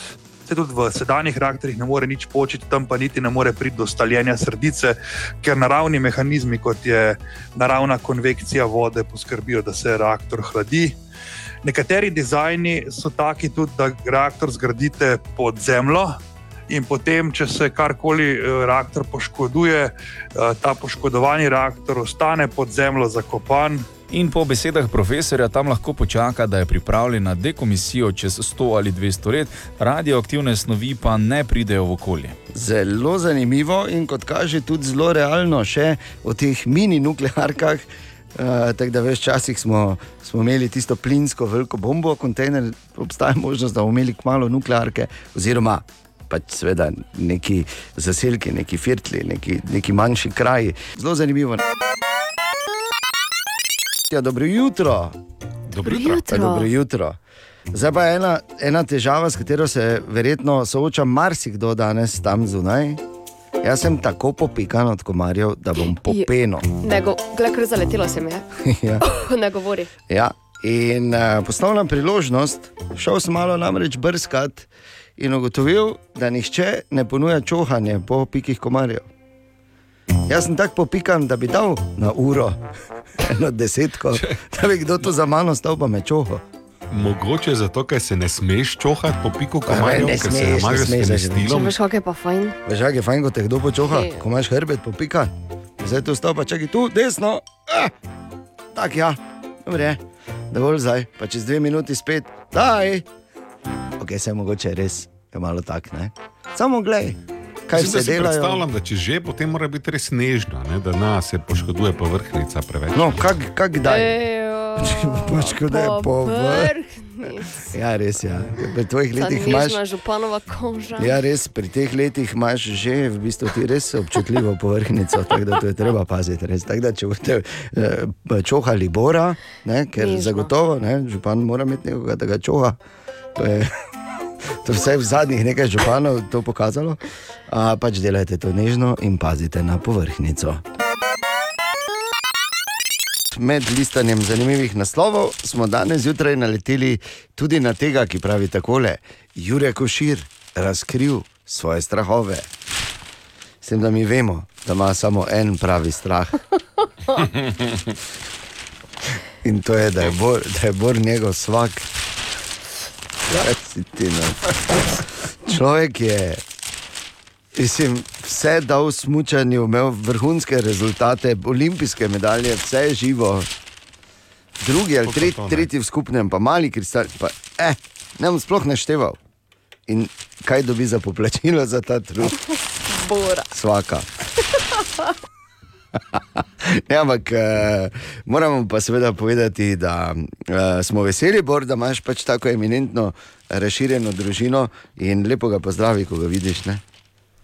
Mislim, on je vesel, da ima bodočega župana žlahti, veš kaj mislim? Joj, tako, tako. Ser, res je, Bor, res je, Ana, vidiš, vidite vsi zato, ker v vsem najde.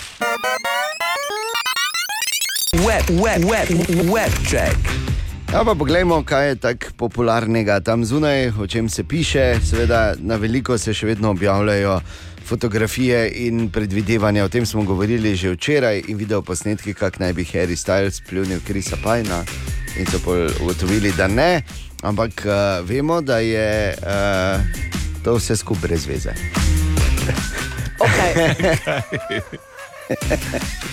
pač, da si izmislijo vse žive stante, zato da bi pač eh, se ljudje pogovarjali o, pravzaprav, eh, v tem primeru, filmu. Ne? Ker Harry Zdaj Styles. samo tako ti bom rekel, da sem si zapisal 2022, pa te skupaj skup že. To je vse skupaj brez veze, res je. Adam Levin dobi tretjega otroka z Gigi Hadid. ne? Uh. Sem prav izgovoril, mislim, da. Pa, To pa ni čisto tako brez veze. Kak za koga? In recimo ena zanimiva zgodba je o enem brazilskem ribiču, to, to ste slišali? Ki je eh, lovil ribe v Atlantskem oceanu, tam pač nekje, mislim, ni bil še prav globoko not, ampak skratka, doživel brodolom, oziroma mu je čovn potonil in ni vedel, kaj bi, pa je imel zmrzovalnik gor na čovnu. Ne? Pa je skočil not v zmrzovalnik in v uh, zmrzovalnik, zamrzovalniku plul po Atlantskem oceanu, ker ga je neslovenno odprto, 11 dni preden so ga slučajno našli in rešili. Bog je reveš. Dobro, da ni bil zamrzovalnik prazen. Mimo grede, mimo grede, to je zdaj tudi uh, pravi. Um, Uh, pravo okolje, da razkrijemo, da je Borgrajner, ne, naš kandidat, v bistvu še nikoli iz barke ni lovil rib. Samo resnici. Ja, to je ta resnični pogled. Pač, morate verjeti, da človek v mojem položaju ima vse 3-4 služabnike, ki to počnejo. Ja, daj nehaj, no. Je pa res, da tudi danes zjutraj izgleda, kot da je bil na tuni po noči. In, in da mu je da ne fejs, da mu je ne, veter v čelo pival, taka frizura je. Ampak, eh, kar je seveda fino, jaz, sem, jaz osebno moram reči, da sem enkrat iz barke lovil ribe, pa še takrat je izvira tista, tista afera. Kak se ne spomnite? Ne. Ne. Oj, oj. Ja, morda zgodba za kar, drugo ne, priložnost. no, ne? Daj, nehaj, no, povej zdaj. Ja, šli smo loviti ribe zgodaj zjutraj, še ko je bila tema in se peljemo nekam, ne vem kam daleč, skratka, nekje v Dalmaciji je bilo. In vsi nekaj lovijo, vsi nekaj vem vlačijo, samo jaz seveda nič, klasično. Ne. Potem pa vržem noter, pa uh, naenkrat, ko zagrabi. Ne. Ko je zagrablo in ko je to začel vleči, ko je veš palco zvijalo tako za 180, da ko je bilo tako, uje, bil ne palca. Jaz mislim, jaz imam kita, jadranskega prisežem. Najmanj. Vsi so odložili palce, vsi so prišli zraven k meni, mi pomagali. To je jaz, sem, ko sem vlačil, to je čovn, je rigverc vleklo, razumeš? Dejansko, ker sem zadaj stal. Ne? In vlečem, vlečem, joj, pa, pa debate, pa pazi, pa popuščaj, pa pazi, pa da ne bo vtrgalo, ker ne vem, kaj je tu gor, kako dela, kak ti zvija. In jaz potem namotavam, namotavam, se trudim, švicam in ugotovim, da sem zahaklo parangal. Tako da.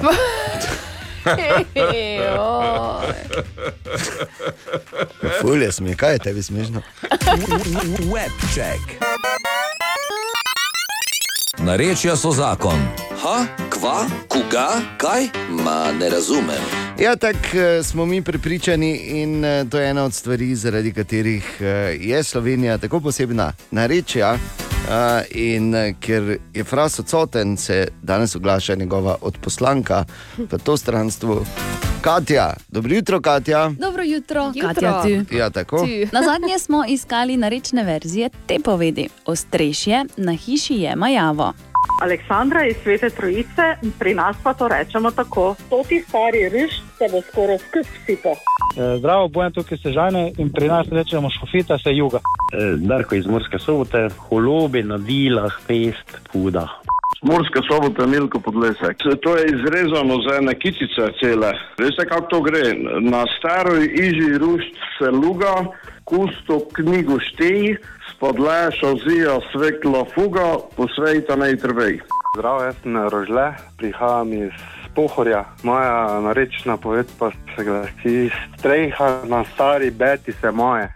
Sašo z prekmuje tukaj eh, pri nas eh, se pa pravi eh, stari ruš na streji je sprnejne.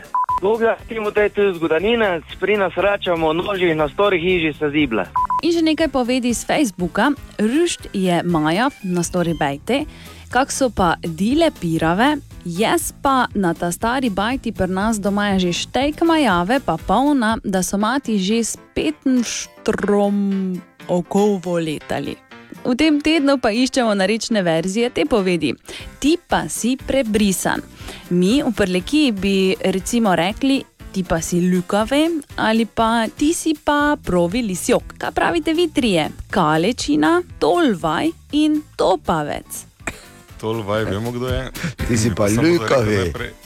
Ja. Kak si ti ljukavi? Rečemo E. vun z vraga. Resno. Ja, Vun z vraga. kako si ti ven z vraga? Ja. Vun z... Okay. Okej. Recimo vun z vraga, rožle z pohorja, ne? Vemo vsi, da je na napačnem bregu, ampak je vseeno. To je ena izmed boljših stvari, vlad. ja, res je.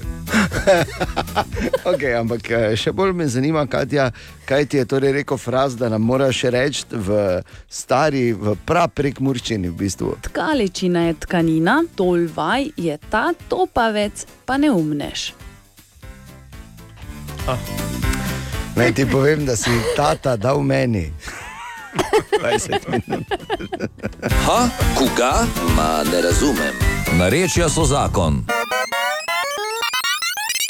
Dobro jutro. Dobro jutro. Dobro jutro. Mestni oziroma krajovni skupnosti Bresternica Gaj vre.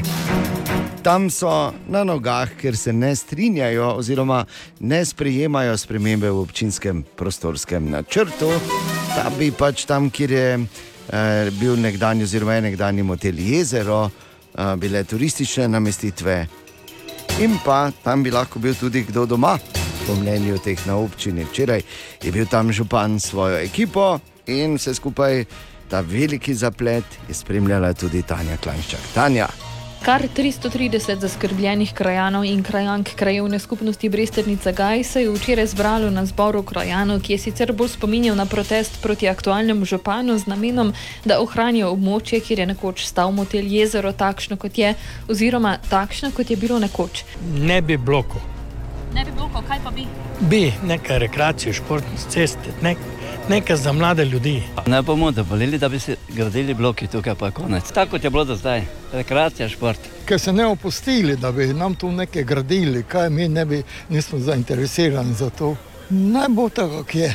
Če govorite o motelu, da ostane športno-rekreacijska cona, če govorite o urejanju cest, da se malo več vlaga v to. Upam, da se OPN ne bo spremenil v tej smeri, da bi bilo zazidalno, ampak bo ostal športno-rekreacijski področje to.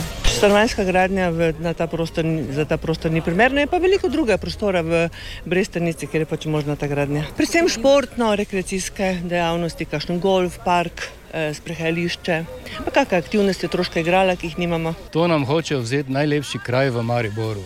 Ne? In to ne za neprofitna stanovanja, ampak za profitna. To se pravi, že ime samo pove, da gre zgolj za profit. Kaj bi pa recimo vi na tem mestu želeli, da pa je tukaj vseeno se nekaj more narediti? to mesto je že bilo, je že služilo temu in to druženju, druženju in rekreaciji predvsem. Želje je potrdil tudi predsednik krajevne skupnosti Brestenica Gaj Primoš Hedl. Zelo smo bili veseli, ko je to Mariborska občina odkupila, vendar smo pričakovali nekaj drugega. No, nismo pričakovali tukaj takega kapitalskega interesa, temveč da bo to dejansko ohranjeno za naše naslednje rodove. Občinski prostorski načrt sicer predvideva, da bi na območju uredili tudi turistične nastanitve, ureditev fitnesa na prostem, otroško igrale. Tako je razložila Maja Rehenbreg Ričko, vodja občinskega urada za komunalo, promet in prostor in dodala še, da je občina zemljišče preko družbe mestne nepremičnine odkupila z namenom, da to območje zaščitijo.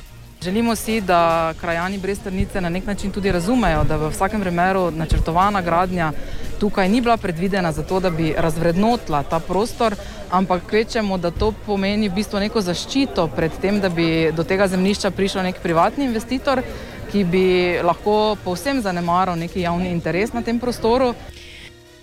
Ok, in uh, potem so se usedli in debatirali, in ali je bila debata uspešna. Načrt je krajane zmotil do te mere, da so na kakršnokoli pojasnjevanje strani župana ali županske ekipe odgovarjali z glasnim negodovanjem. Ja, pod cesto pravzaprav zgradili apartmajsko naselje.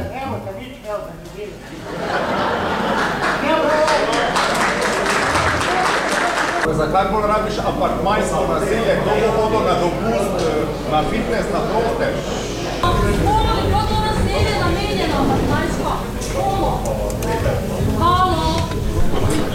pa vi rekli, ali raje apartmajsko gradnjo v okviru hotela, ali pa morda bi si pa lahko tudi kdo želel tukaj od nas, someščanov, vaših dragih, tudi živeti, tako kot tudi vi tu živite, brez da bi kogarkoli motil.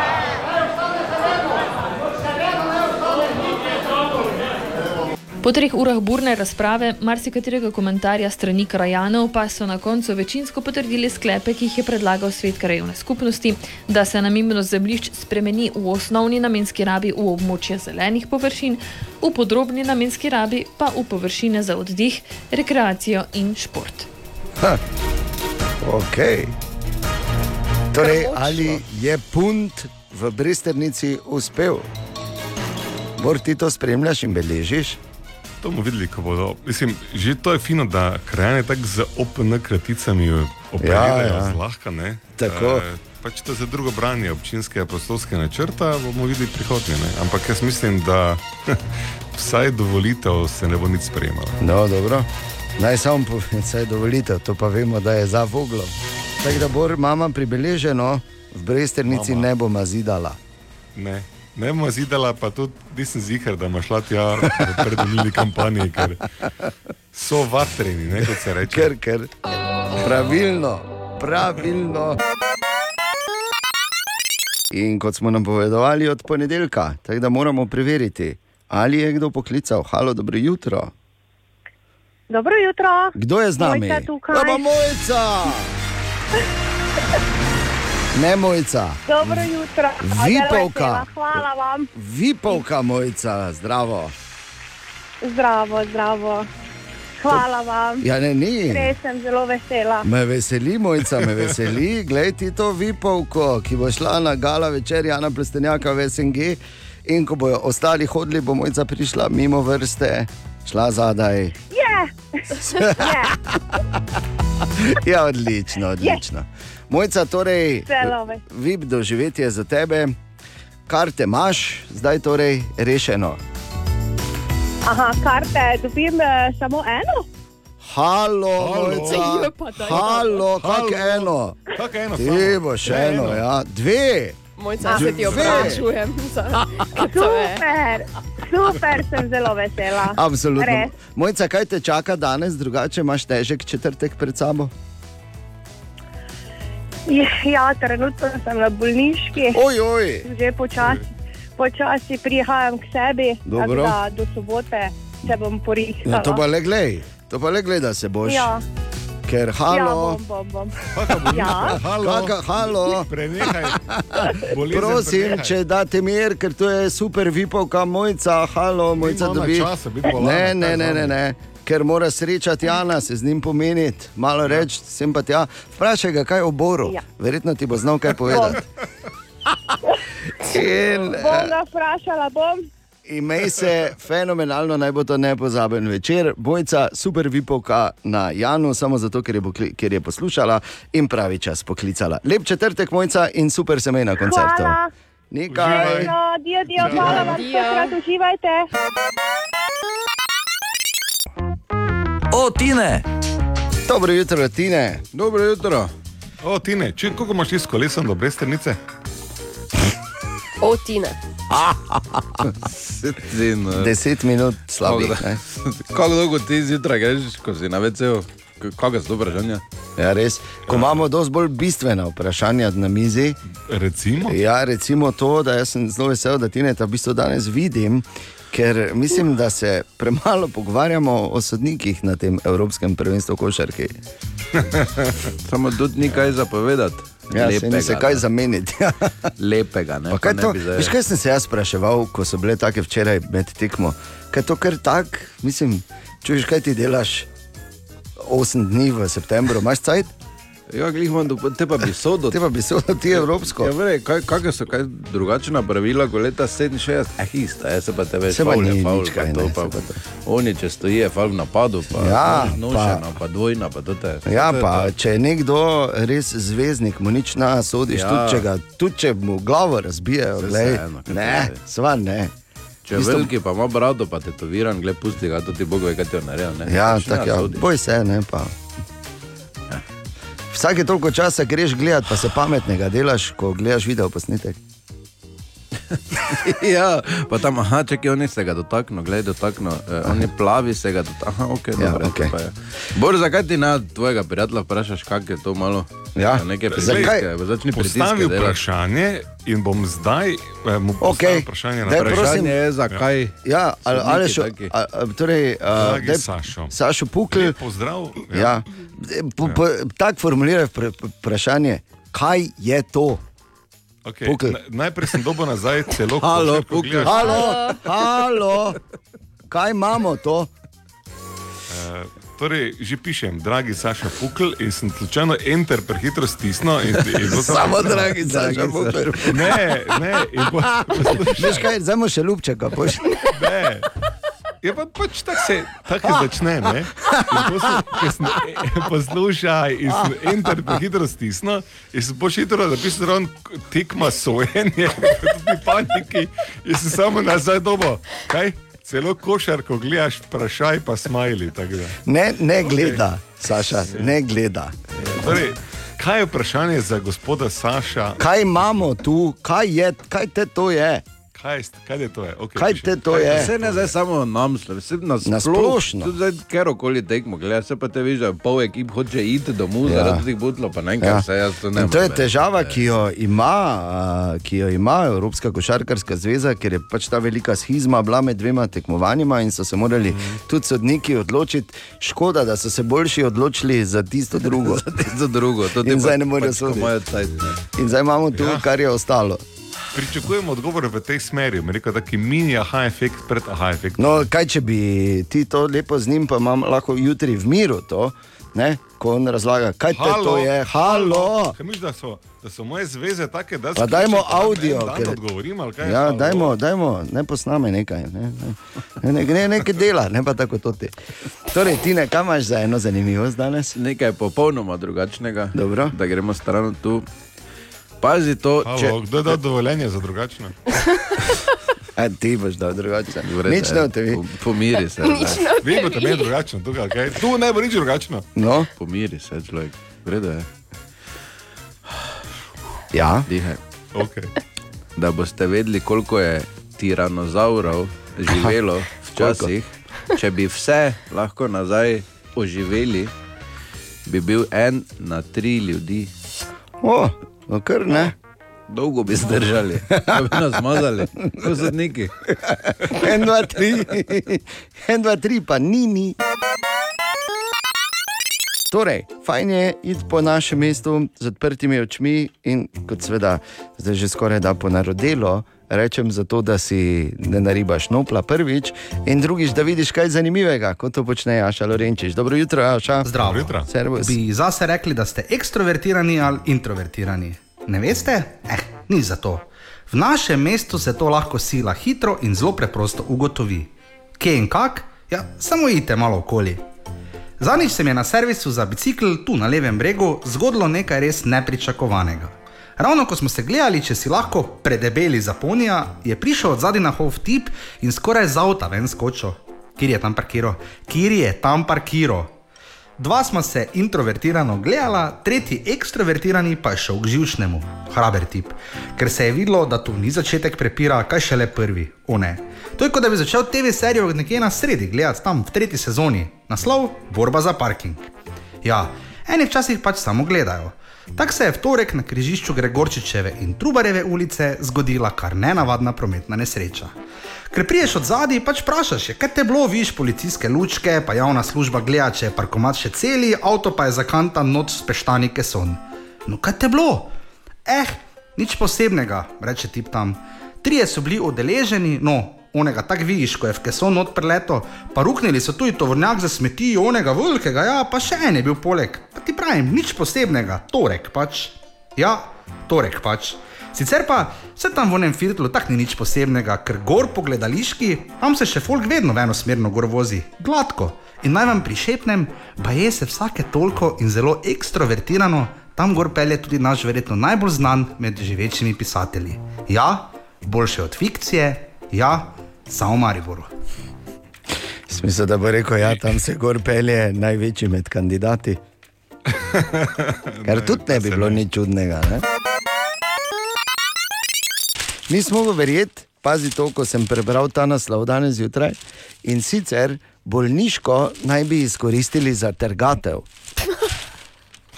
ja, no. je Čakaj, čakaj, čakaj, čakaj pred greš dalje. Ne? ima smisel. Ali ni, ali ni biti na trgatvi neke vrste zdravilo? A to je dejstvo, a, B, a, to je stari trik. Ne? Tako. In C, če si na pravi trgatvi, rabiš bolniško po. Običajno je tu naš eh, priljubljen jutranji segment izborove špajze, ki smo ga za potrebe ciljne komunikacije z javnostmi spremenili v nasveti nekega kandidata. In tukaj je še en. Pameten župan ve, da se v sredo dalje od kamnice ne gre. Tako. Želimo dobro jutro. Dobro jutro. Poglej, Katja je nazaj. O, zdravo. Na kratko, zdrav, Katja. Na kratko, ja. Povej mi, ti rastejo kaj fige? O, veš kak.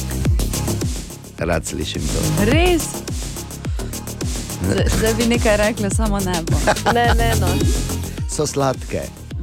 Pune se. Hočem samo povedati to, da je lepo in sem vesel, ko imajo mladi ljudje ne, drevesa ali pa druge pridelke. Recimo Ana je imela poln vrt tudi letos in uživajo v plodovih narave. Ja, ja.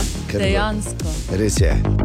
Veš, čudno je, ko greš iz tega obdobja um, najstništva in potem, eh, da si študent.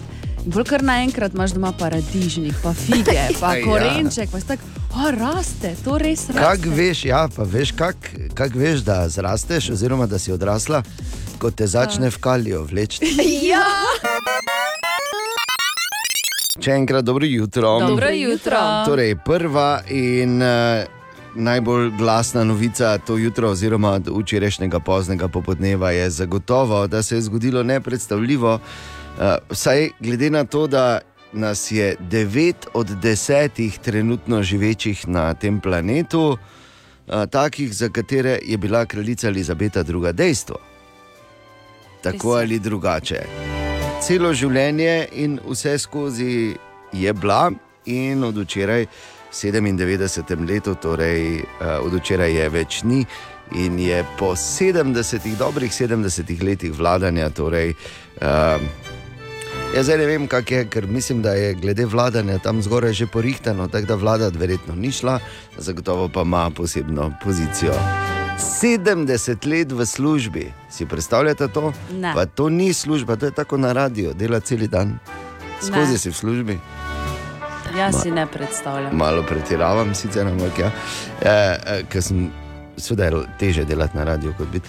Um, ne, ampak e, de- dejansko je bila kraljica Elizabeta dejstvo, velika turistična atrakcija po eni strani in pa tudi, bomo rekli, tako ena moralna. Uh, Moralni lik, ki je bil na nek način tudi svetilnik za mnoge v uh, njenem kraljestvu. A, kar je zanimivo, oziroma kar je seveda izjemno pomembno, je tudi, da je kraljica Elizabeta bila vedno uh, zares povezana s pop glasbo oziroma s popularno glasbo. Ona je postala kraljica v začetku 50-ih, ko še sploh ni bilo rock'n'rolla, recimo za res. Ne, ona je v bistvu vse to doživela. In ker je bila mlada, dejansko, ko se je vse to skupaj razvijalo, je imela do popularne glasbe tudi res poseben odnos, in veliko, veliko tega je bilo uh, povezanega z njo, ko govorimo o razvoju popularne glasbe. Sveda so bili zraven tudi škandali. Za 25. obletnico njenega kraljevanja so recimo Sex Pistols eh, posneli legendarno. The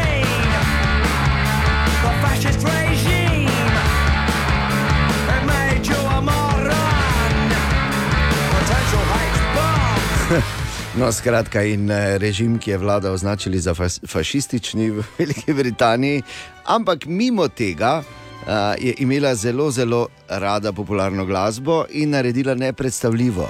Nekim dolgolasim kretenom, ki govorijo ali pa pojejo oslarije v mikrofon, je dala kraljevo odlikovanje. Ne, in tako so bili bitli prvi, ki so sicer ne dobili naslova sr, oziroma postali vitezi, ampak so dobili pač ta neki red za zasluge, kot prvi uh, glasbeniki v zgodovini. Na to so jim seveda uh, sledili mnogi. Uh, In potem prvi vitez, zanimivo zaradi svojih dosežkov, oziroma doprinosa k razvoju glasbe in popularne kul- kulture v kraljestvu, je bil Cliff Richard. Pa potem so sledili ne vem, Rod Stewart, Elton John, Bob Geldof. Prva ženska, žensk je namreč veliko manj teh, ki so, kar se mi ne zdi prav, ker je ženska glih tako lahko vitez in to še boljši, in predvsem, ki lepše zgleda kot ti stari. Ne? Prva je bila Shirley Bessie, uh, na to pa so sledile še ostale, med drugimi je denimo ta naziv za svoje zasluge pri popularni glasbi dobila tudi Adele. V vsakem primeru kraljica Elizabeta II. bo šla v zgodovino po mnogih stvareh, ampak kar se mene tiče, je njen najpomembnejši doprinos bil ravno ta pri popularni glasbi.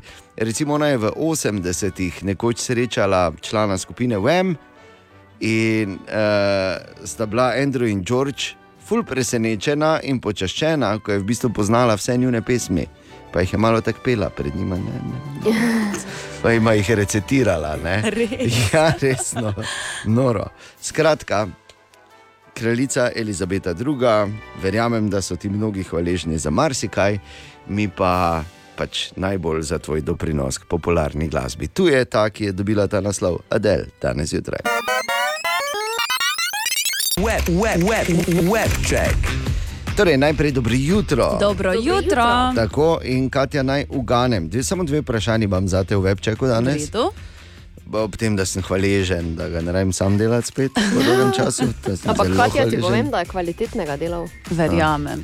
Še bi dobil evro za vsakič. Sicer nisem čula, ampak Ja, ker si spala pametno. Tako, No, poslušaj, dve vprašanje imam za te. Prvo, verjetno je po dolgem in počes na družbenih omrežjih eh, vse o smrti kraljice Elizabete II. in tem, kako so ljudje žalostni, njihova opažanja in vsi svojim piskrčkom zraven. Ne? Točno tako, In drugo vprašanje, Borgrajner, malo manj. malo manj.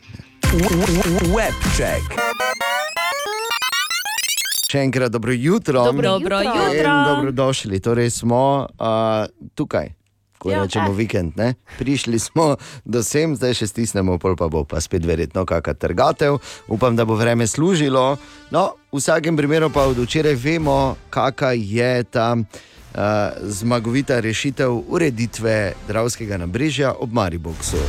Ta, moramo vedeti, da je tam kar bomo rekli, ne? kar pozabljeno, pozabljeno v središču, bi lahko imenovali. Tam bi bila tabla, pozabljeno v središču mesta. In bi hodili in bi gledali, a, a zo izdas, ne bi Ja, rekli. zo, potem. zo. Zo izdas bi Pa bi rekli slikali, turisti. Tako.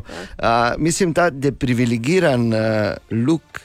Ki ga tam ponuja, levi breg reke Drave, je super funkcioniral, ko smo recimo mi snemali improviziran video spot za Joj. tri dni smo pili, pa let nazaj. ja. Tam je res super, ampak drugače pa je res malo manj super.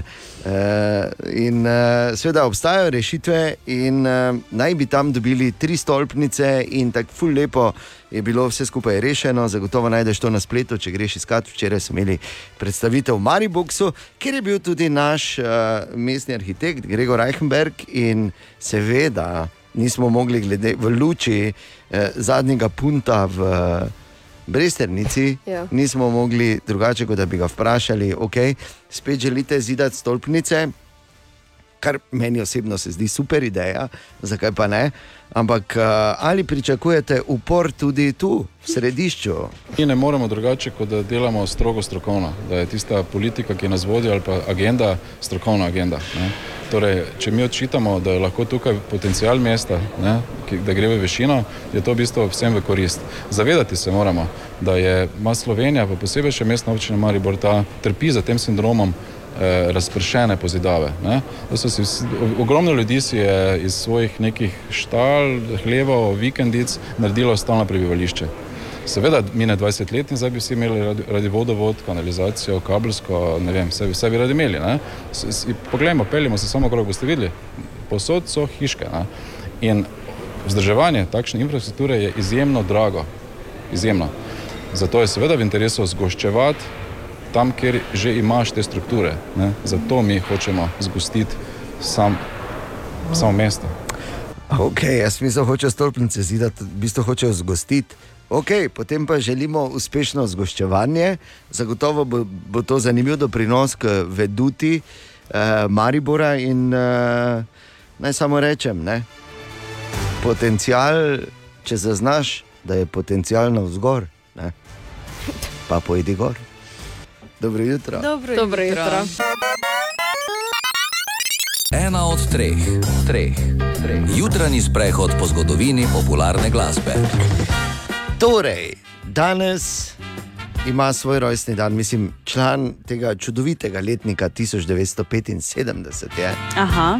Star 47, praktično, praktično Popolna mladinec. leta. Mladinec.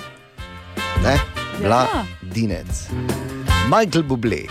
Oh. Ja, ta, ki ti seže v srce. Predvsem ja. za božič. Ne? Ta Michael Bublé, ki ti seže v srce. To. Moral bi zaščititi to tu v slovenščini. Ko naslednjič pride, pa bo imel koncert, pa mu dam ta slogan, pa rečem, gledaj, Michael. Kupi. Ne, na, A ja, tako? Michael se veš. Sipaš. Mi, ko smo isti. Mislim, ko smo Najboljši isto rojeni. letniki si ja, dajete si brez delimo. plačila, ne? Absolutno, si pomagamo Ja, in smo valjda. tu za drug za drugega. No, sicer morda je šla tako ta zgodba o začetku kariere Michaela Bubleja, da, je, da so tako poslušali, veš, ko so se ribiči vračali na zahodni obali Kanade nazaj domov s polnimi ladjami rib, ampak so poslušali, oh, pa kdo to tako lepo poje, veš. Oh, Kdo je to? Ker Michael Bublé je bil ribič, namreč najprej. Ne? Kaj je bil?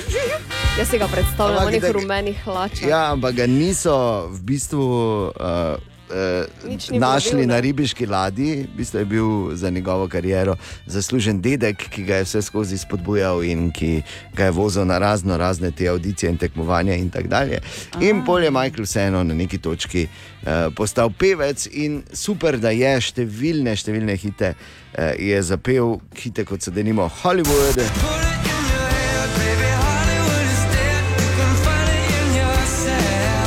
Ali pa Haven't Met You Yet.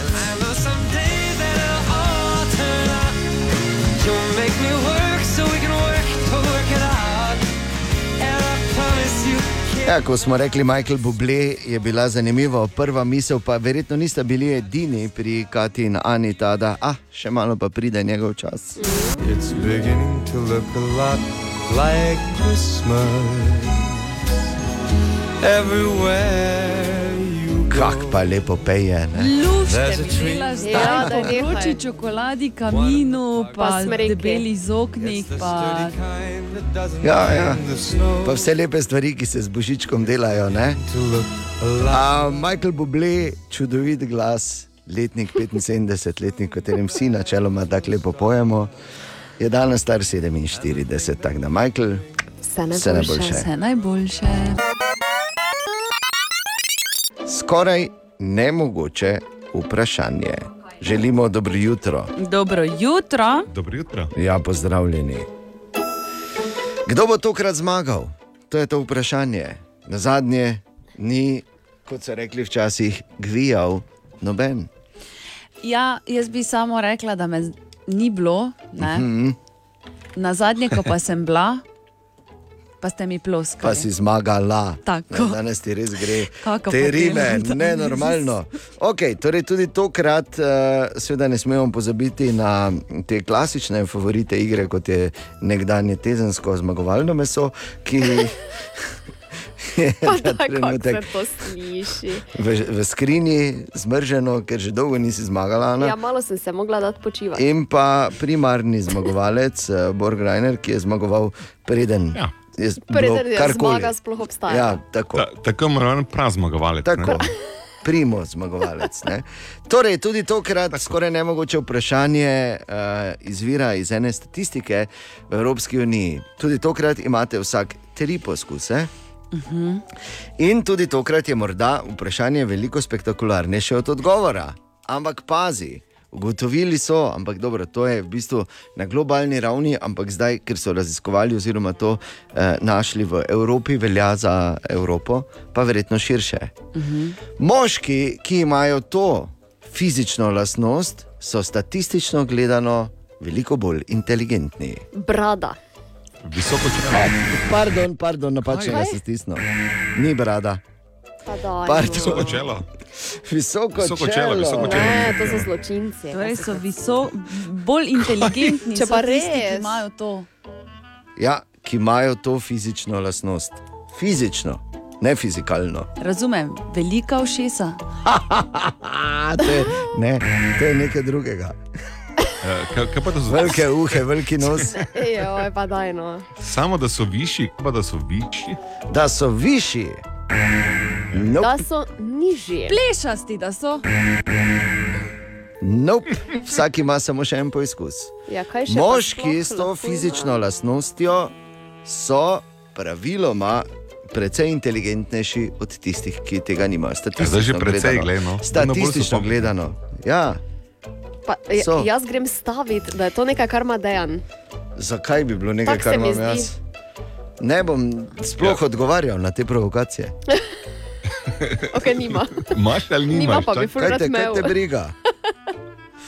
Boš videl pol, oziroma boste videli.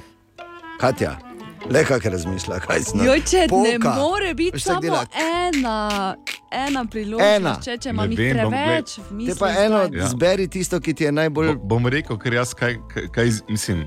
Dlaka v hrbet, evo, dlaka v hrbet. Kaj ni dlaka v hrbet? ja, pač poveš, kaj ti je všeč. Okay, jaz bi rekla, da tisti, ki slabše vidijo. Ki slabše vidijo. Nope, kar pomeni, da je ostala samo še Ana in njen zadnji poskus. Ana, Um, Tisti, ki, Ja. Ja, Tisti, ki ja. Ki imajo veliko nogo. Lahko nalepe oke še enega. Lahko nalepe oke še enega. Tisti, ki imajo prekomerno težo. Ne, absolutno ne. Ampak statistično gledano so precej bolj inteligentni moški, ki imajo poraščene prsi. A pa, pa, Pa dobro, sem bil no. blizu, ne morem verjeti. Ja, Kaj se- Kaj me poraščene prsi? Ja. Pove, kako so poraščene prsi povezane z in. Eh. Statistično gledano, ja, oni so gledali, ker smo inteligentni in ker so pač bolj revčeki. Ne? In Ne bolj so pogledali, kdo ne. je, od, Ja. ja. Ja, ki je več. Ne? In so rekli, aha, statistično smo mi zmagali. Kot ste slišali, sem seveda na oni strani. Mislim, jaz bi po točki mogel dobiti zaradi- dlakavega hrbta. to je Ne, ti, to je samo fuj. Še enkrat želimo dobro jutro. Dobro jutro. jutro. Eh, Eno stvar pa moram povedati, zdaj veš, ko listaš malo po zanimivih naslovih, pa eh, ko malo pogledaš, kaj je zanimiv video in to. In, eh, glede na to, da mi delamo zjutraj, pol vedno govorimo naslednje jutro o stvarih, ki, so, ki bi jih. Recimo, ki smo jih videli že včeraj popoldan ali pa, dopo, ali pa kakorkoli. Mhm. Razumeš, kaj hočem povedati? Seveda? Nam razlagam, ki vemo, zakaj gre. Ja. No, ja. A, no, in tak je pač ta Apple dogodek bil. Ne, zdaj pustimo, kaj so oni predstavili, ta novi iPhone 14 in vse to, in kaj niso predstavili, in kar je ostalo razočaranje. Ampak jaz sem gledal to in sem si porajal, se mi je porajalo samo eno vprašanje. Ali res, da, da si res tako uspešen, ker- Apple je, roko na srce, najuspešnejše podjetje na svetu ali pa eno izmed. Ne? Mhm, tako. Ali res, da ko hočeš kaj prodati, da moraš izgledati kot klošar, tako ta Tim Cook, kot ja. je na teh kinotih. Jaz bom rekel tako, na radio ne deluje. Sem probal, oziroma probavam že dolgo. In seveda želimo dobro jutro. Dobro jutro. Ena, ena resna tema pa je, ne, in to so sodniki na Evropskem prvenstvu v košarki. Ogromno se o tem govori, na zadnje smo včeraj cel dan premljevali po tej naši fantastični zmagi proti Francozom. In eh, imamo srečo, da je naš Bor eh, v bistvu človek, ki pozna praktično vse. In eh, tako ga pogledaš, bi rekel, ne vem, če ima ravno neke kontakte oziroma kompetence, da lahko govori o košarkarskih sodnikih, ampak, Bor, prepričaj nas v drugo. Ja, Saša Pukl, ne Sašo, Saša Pukl. Ja, da ne bi moško slučajno. ime, Ja. Je košarkarski sodnik najvišjega ranga. Uh, Slovenci se ga spomnimo, morda, ko je sodel um, olimpijske igre Tako. v Londonu. Ne? Mislim, da so bile takrat. Ja, še kar nekaj časa nazaj. Ne? So bile v Ja, to je že Londonu kar nekaj časa nazaj, ampak so pa bile tam. ne. Ja. Um, takrat smo mi bolj ali manj spoznali, kako dober sodnik je. Jaz, ki z njim osebno prijateljujem že dolga leta, vem, da je top 5, top 3, celo eni pravijo. Ja. E, Saša pa je še mnogo več. Ne, ne samo da je moj osebni prijatelj, sodnik olimpijske kakovosti. On je tudi uh, izjemen košarkarski sodnik, uh, on je tudi nekdo, ki je mene uh, spravil pravzaprav v medije. Zato, ker če ne bi bilo Sašota, ki je bil tudi urednik športa na večeru ja. pred leti, Hvala, jaz nikoli začel res. pisati in ta karjera se ne bi sploh tako razvila. Tukaj pa je pomembno, ne, da je on tudi sedaj. Čeprav že nad 50, vemo, da košarkarski sodniki lahko po novem tudi delajo dlje, če lahko še vedno laupajo, pač teste imajo. On je tudi del te, kaj bi rekel, schizme, razkola med dvema strujama košarkarskih sodnikov. Ja. Zato lahko iz prve roke pove, zakaj za vraga. Najslabši sodniki na svetu. Okay, ja, Sašo. Uh, halo, Borin ekipa, dobro Halo. jutro. Jutro. Jaz Dobro sicer jutro. v gondoli peljem se na vrh Pohorja, pa z dvema prijateljoma nameravamo celo Pohorje danes prekolesariti. Sicer z, elektrimi, z električnimi bicikli, ker se pač pripravljam na novo sezono. Kaj se pa na Eurobasket dogaja s sojenjem? Ja, pač dogaja se to, da imajo sodnike, ki so ostali na FIBI, ne pa najboljših sodnikov. To je približno tako, kot da bi slovenska reprezentanca igrala brez vseh NBA pa euroligaških igralcev. Kaj bi ostalo? Uh, rezerve, ne? To je to. Ja. Tako, rezerve. In to je torej ta edini in osnovni razlog. Pa srečno, pazite, ko kolesarite, ker ne na zadnje tudi niste perfektnega vremena izbrali. O, Tine! Ja, Tine, Dobro jutro. Ja, zelo, zelo. Kaj, kaj, kaj, kaj, kaj, Ja, petek je, kaj je, odpri. Ja, Gremo? Ne, prosim, Opa. ne odpirajte, ker je brez odpiranja kaj? že dovolj. Tina je prej Ja, mislim, da pa boš je šlo. odpremo, ker je kreno, jaz bo vse popil. Tina je prej zazehal, pa Tebe je rekel sploh. Jezus Kristus, kak smo že in Mene ne sploh, vem. seveda. Ja, tako se naredi, veš, kot. Jezus Kristus, kak smo že in nadaljuješ, kaj ne, veš, da se pa te. Če petek. Ja, ker moramo vedeti, obstaja ena stara resnica. Če ne vedro začneš, si na marjak. Tako. In, ne, kdo jaz, nismo- da bi temu oporekal? Ja, da smo na marjaki. A sem se čisto razdražil. Zdaj. se nekaj. Zdaj grem Natalijo klizati, ne prenese za nami. za potem, ne. Ja, sigurno ima kaki mali budoma. Mali. Pa dobro, no, mislim, bolj Bel ženske dežur. pijače. Belde, nisi. mm, Bel dežur. Bel dežur pa Coca-Cola. ja. Ali pa čokoladni, pa Coca-Cola, ne, to se je. Dobre. Dobro, pustimo, ja, to se je, ja, pa štok. Zaostala v času s pijačami. V življenju nisem štoka proba, veš kaj to? Ja. Jaz ne morem to reči. Ja, valjda, da ne. Tega. Niti več to kola kombinaciji. Niti štok kole. Ste me pogrešali. Kaj, ali si mislil, da bom čisti štok pil? Ja, ne vem. To te štok pije, samo. Gospod Badel. Čakaj, ti nisi nikoli štoka probal, si Ne. rekel. A nisi nikoli B25 pil? 52. tako. B25. To, ko sem mali bil.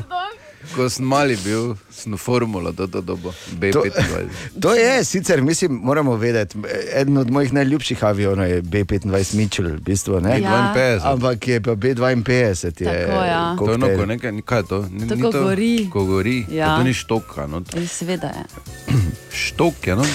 Seveda. A veš, mogoče si pa pil, pa sploh ne veš. Ja, nisem Ja, pil, ker gorečih gorečega? pijač ne pijem. Mi smo ga delali s štokom. E. Če je pa to prav ali ne. Daj mi gin tonik, nimamo gina, te pa daj s štokom, pa bomo Ampak gin dajmo, tonik. s ki daj špricer, neki, čuj vina je svalilo, te pa daj daj štok štok. paradensko. Torej, Tine, kam imaš danes eno zanimivost?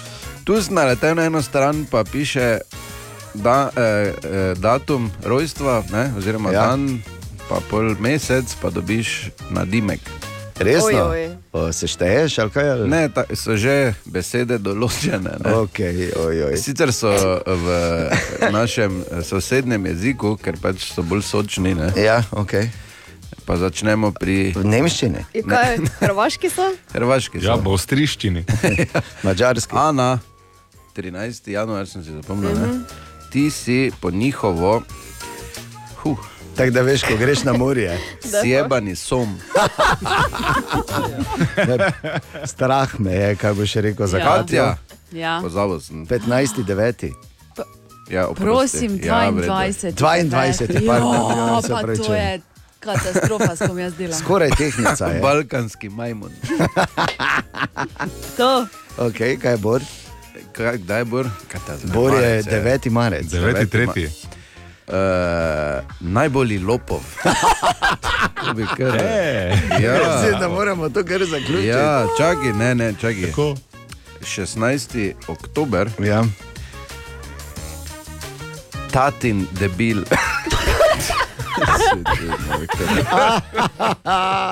jaz sem pa, uh, jaz pa sem kar, jaz sem kot nek indijanec, ja, 29. februar. ljuti kon. Okay. Dobro, ni slabo. Lej, ni slabo. Zdaj pa ne? te odpreme. Zakaj si rekel ti dobro, Bor, če si največji lopov? Ja, Ja, pač kaj čem, ne? Vprašanje za Hajpek za danes zjutraj je pa kar aktualno, Bor. Eh, Mi dva s Tinetom smo se tokrat odločila, da se vrineva v vrsto. Aha. Veš? Ja, lepo, no? In rečem. sicer, Ja, ja, okay. ker je rekel Tine, da nikoli ni probaš toka, po čem imaš tok okus? Aha, efekt vprašanje. Prosim, da raziščeš. To je čisto resno vprašanje, ne ti ne? Ja, dejansko, mislim, eh, v prvi vrsti mi zanima, iz česa je sploh to. Ja, pa iz česa je, pa po čem ima Okej, okus. okej. Pa... Ali štoka naredijo. Po mojem misli, Ja. ja. Stare, stare štoke, veš, stiskajo tako dolgo, da sok spustijo. A, ne, ampak če za res. Potem dobi ime štok, ne? Mm, Jaz mm. dvomim, da je po čem naravnem, ne, da je to v celoti eh, To tako, sintetizirano. ko smo si kupili od Slovina muškat Hamburg, pa je pisalo mm. rdeče vino, pa mimo grozdja šlo. To je niti približno. Ker za tako ceno ni moglo iti mimo. Ne? Ne. In, Pa še eh, iz Makedonije prišlo. Tako da Bor, bo šlo? Ja. Tako, petkovo. si ne? že na tem, ne? No, si že na tem. Ja. ja vem, da si pa- štok tukaj Na štoku je že dolgo. Aha, aha, aha, aha, aha, aha, aha efekt. En Bor Grajner odgovarja na vprašanje Tineta iz Maribora, ki pravi, da še nikoli ni poskusil štoka, iz česa je štok in kakšen okus ima. Bor. Dobro jutro. Dobro jutro. Štok je Enega eh, češki. Ja, glej, pač ne, češki. Malo si moraš glej, Pri taki temi si moraš vzeti tako malo za leta. Veš, pač Res je, res. Dobro jutro. Eh, Štok, kot mi rečemo. Kaj ti si ga eh, spil vmes kaj? oziroma Pa to štok, eh, 84, kot rečejo Čehi. Ja. Točno tako je. Ne, ne. No, Je daj, daj, povej. Brandy. Brandy. Brandy. Ja, ampak originalno so ga naredili italijani v Trstu. Brandy. Uh, leta Jaz pil je, 1884 ima, kot bi rekli američani, mellow and, mellow and smooth taste. Zdaj, jaz ne vem, ne. Jaz, kar se tiče alkoholnih pijač, meni vsi viski isto, Če isti brandy. okus imajo. Ne? Ja, brandy je, ni viski. em, Si sam rekel. Po- Ja, mislim. Brandy je iz vina. Dobro, to, torej, evo, ne, vsi brendi in viski meni imajo isti okus. Ja. E, resno. Ja. Prostak. A, to je razlika. Ja. Um, Divjak. Res je neciviliziran. Kdo? Ti. Ti. Jaz. Zakaj? Jaz mislim, da bi A ja. mogla probati. Kaj Ja, jaz da isto? Če je kdo v bližini, Pač- ko imaš to kolo. Okus ima po brendiju, zdaj eni bodo rekli, da so to stari zokni, eni ne, ampak dobro, zdaj. Bo treba probati. Jaz bi se zahvalil imenu Tineta, iz Maribora res za izvrstno odgovor. Zdaj Tine to, Ja, točno ve, kaj kak je okus imaš. Res. Vidiš, lahko vedno na Bora računaš, da Ja, pa je on to je idealen kandidat. Ali tudi vi pogosto totavate v temi? Aha efekt, da boste vedeli več. Dobra, mali in stari. Podcast jutranje ekipe.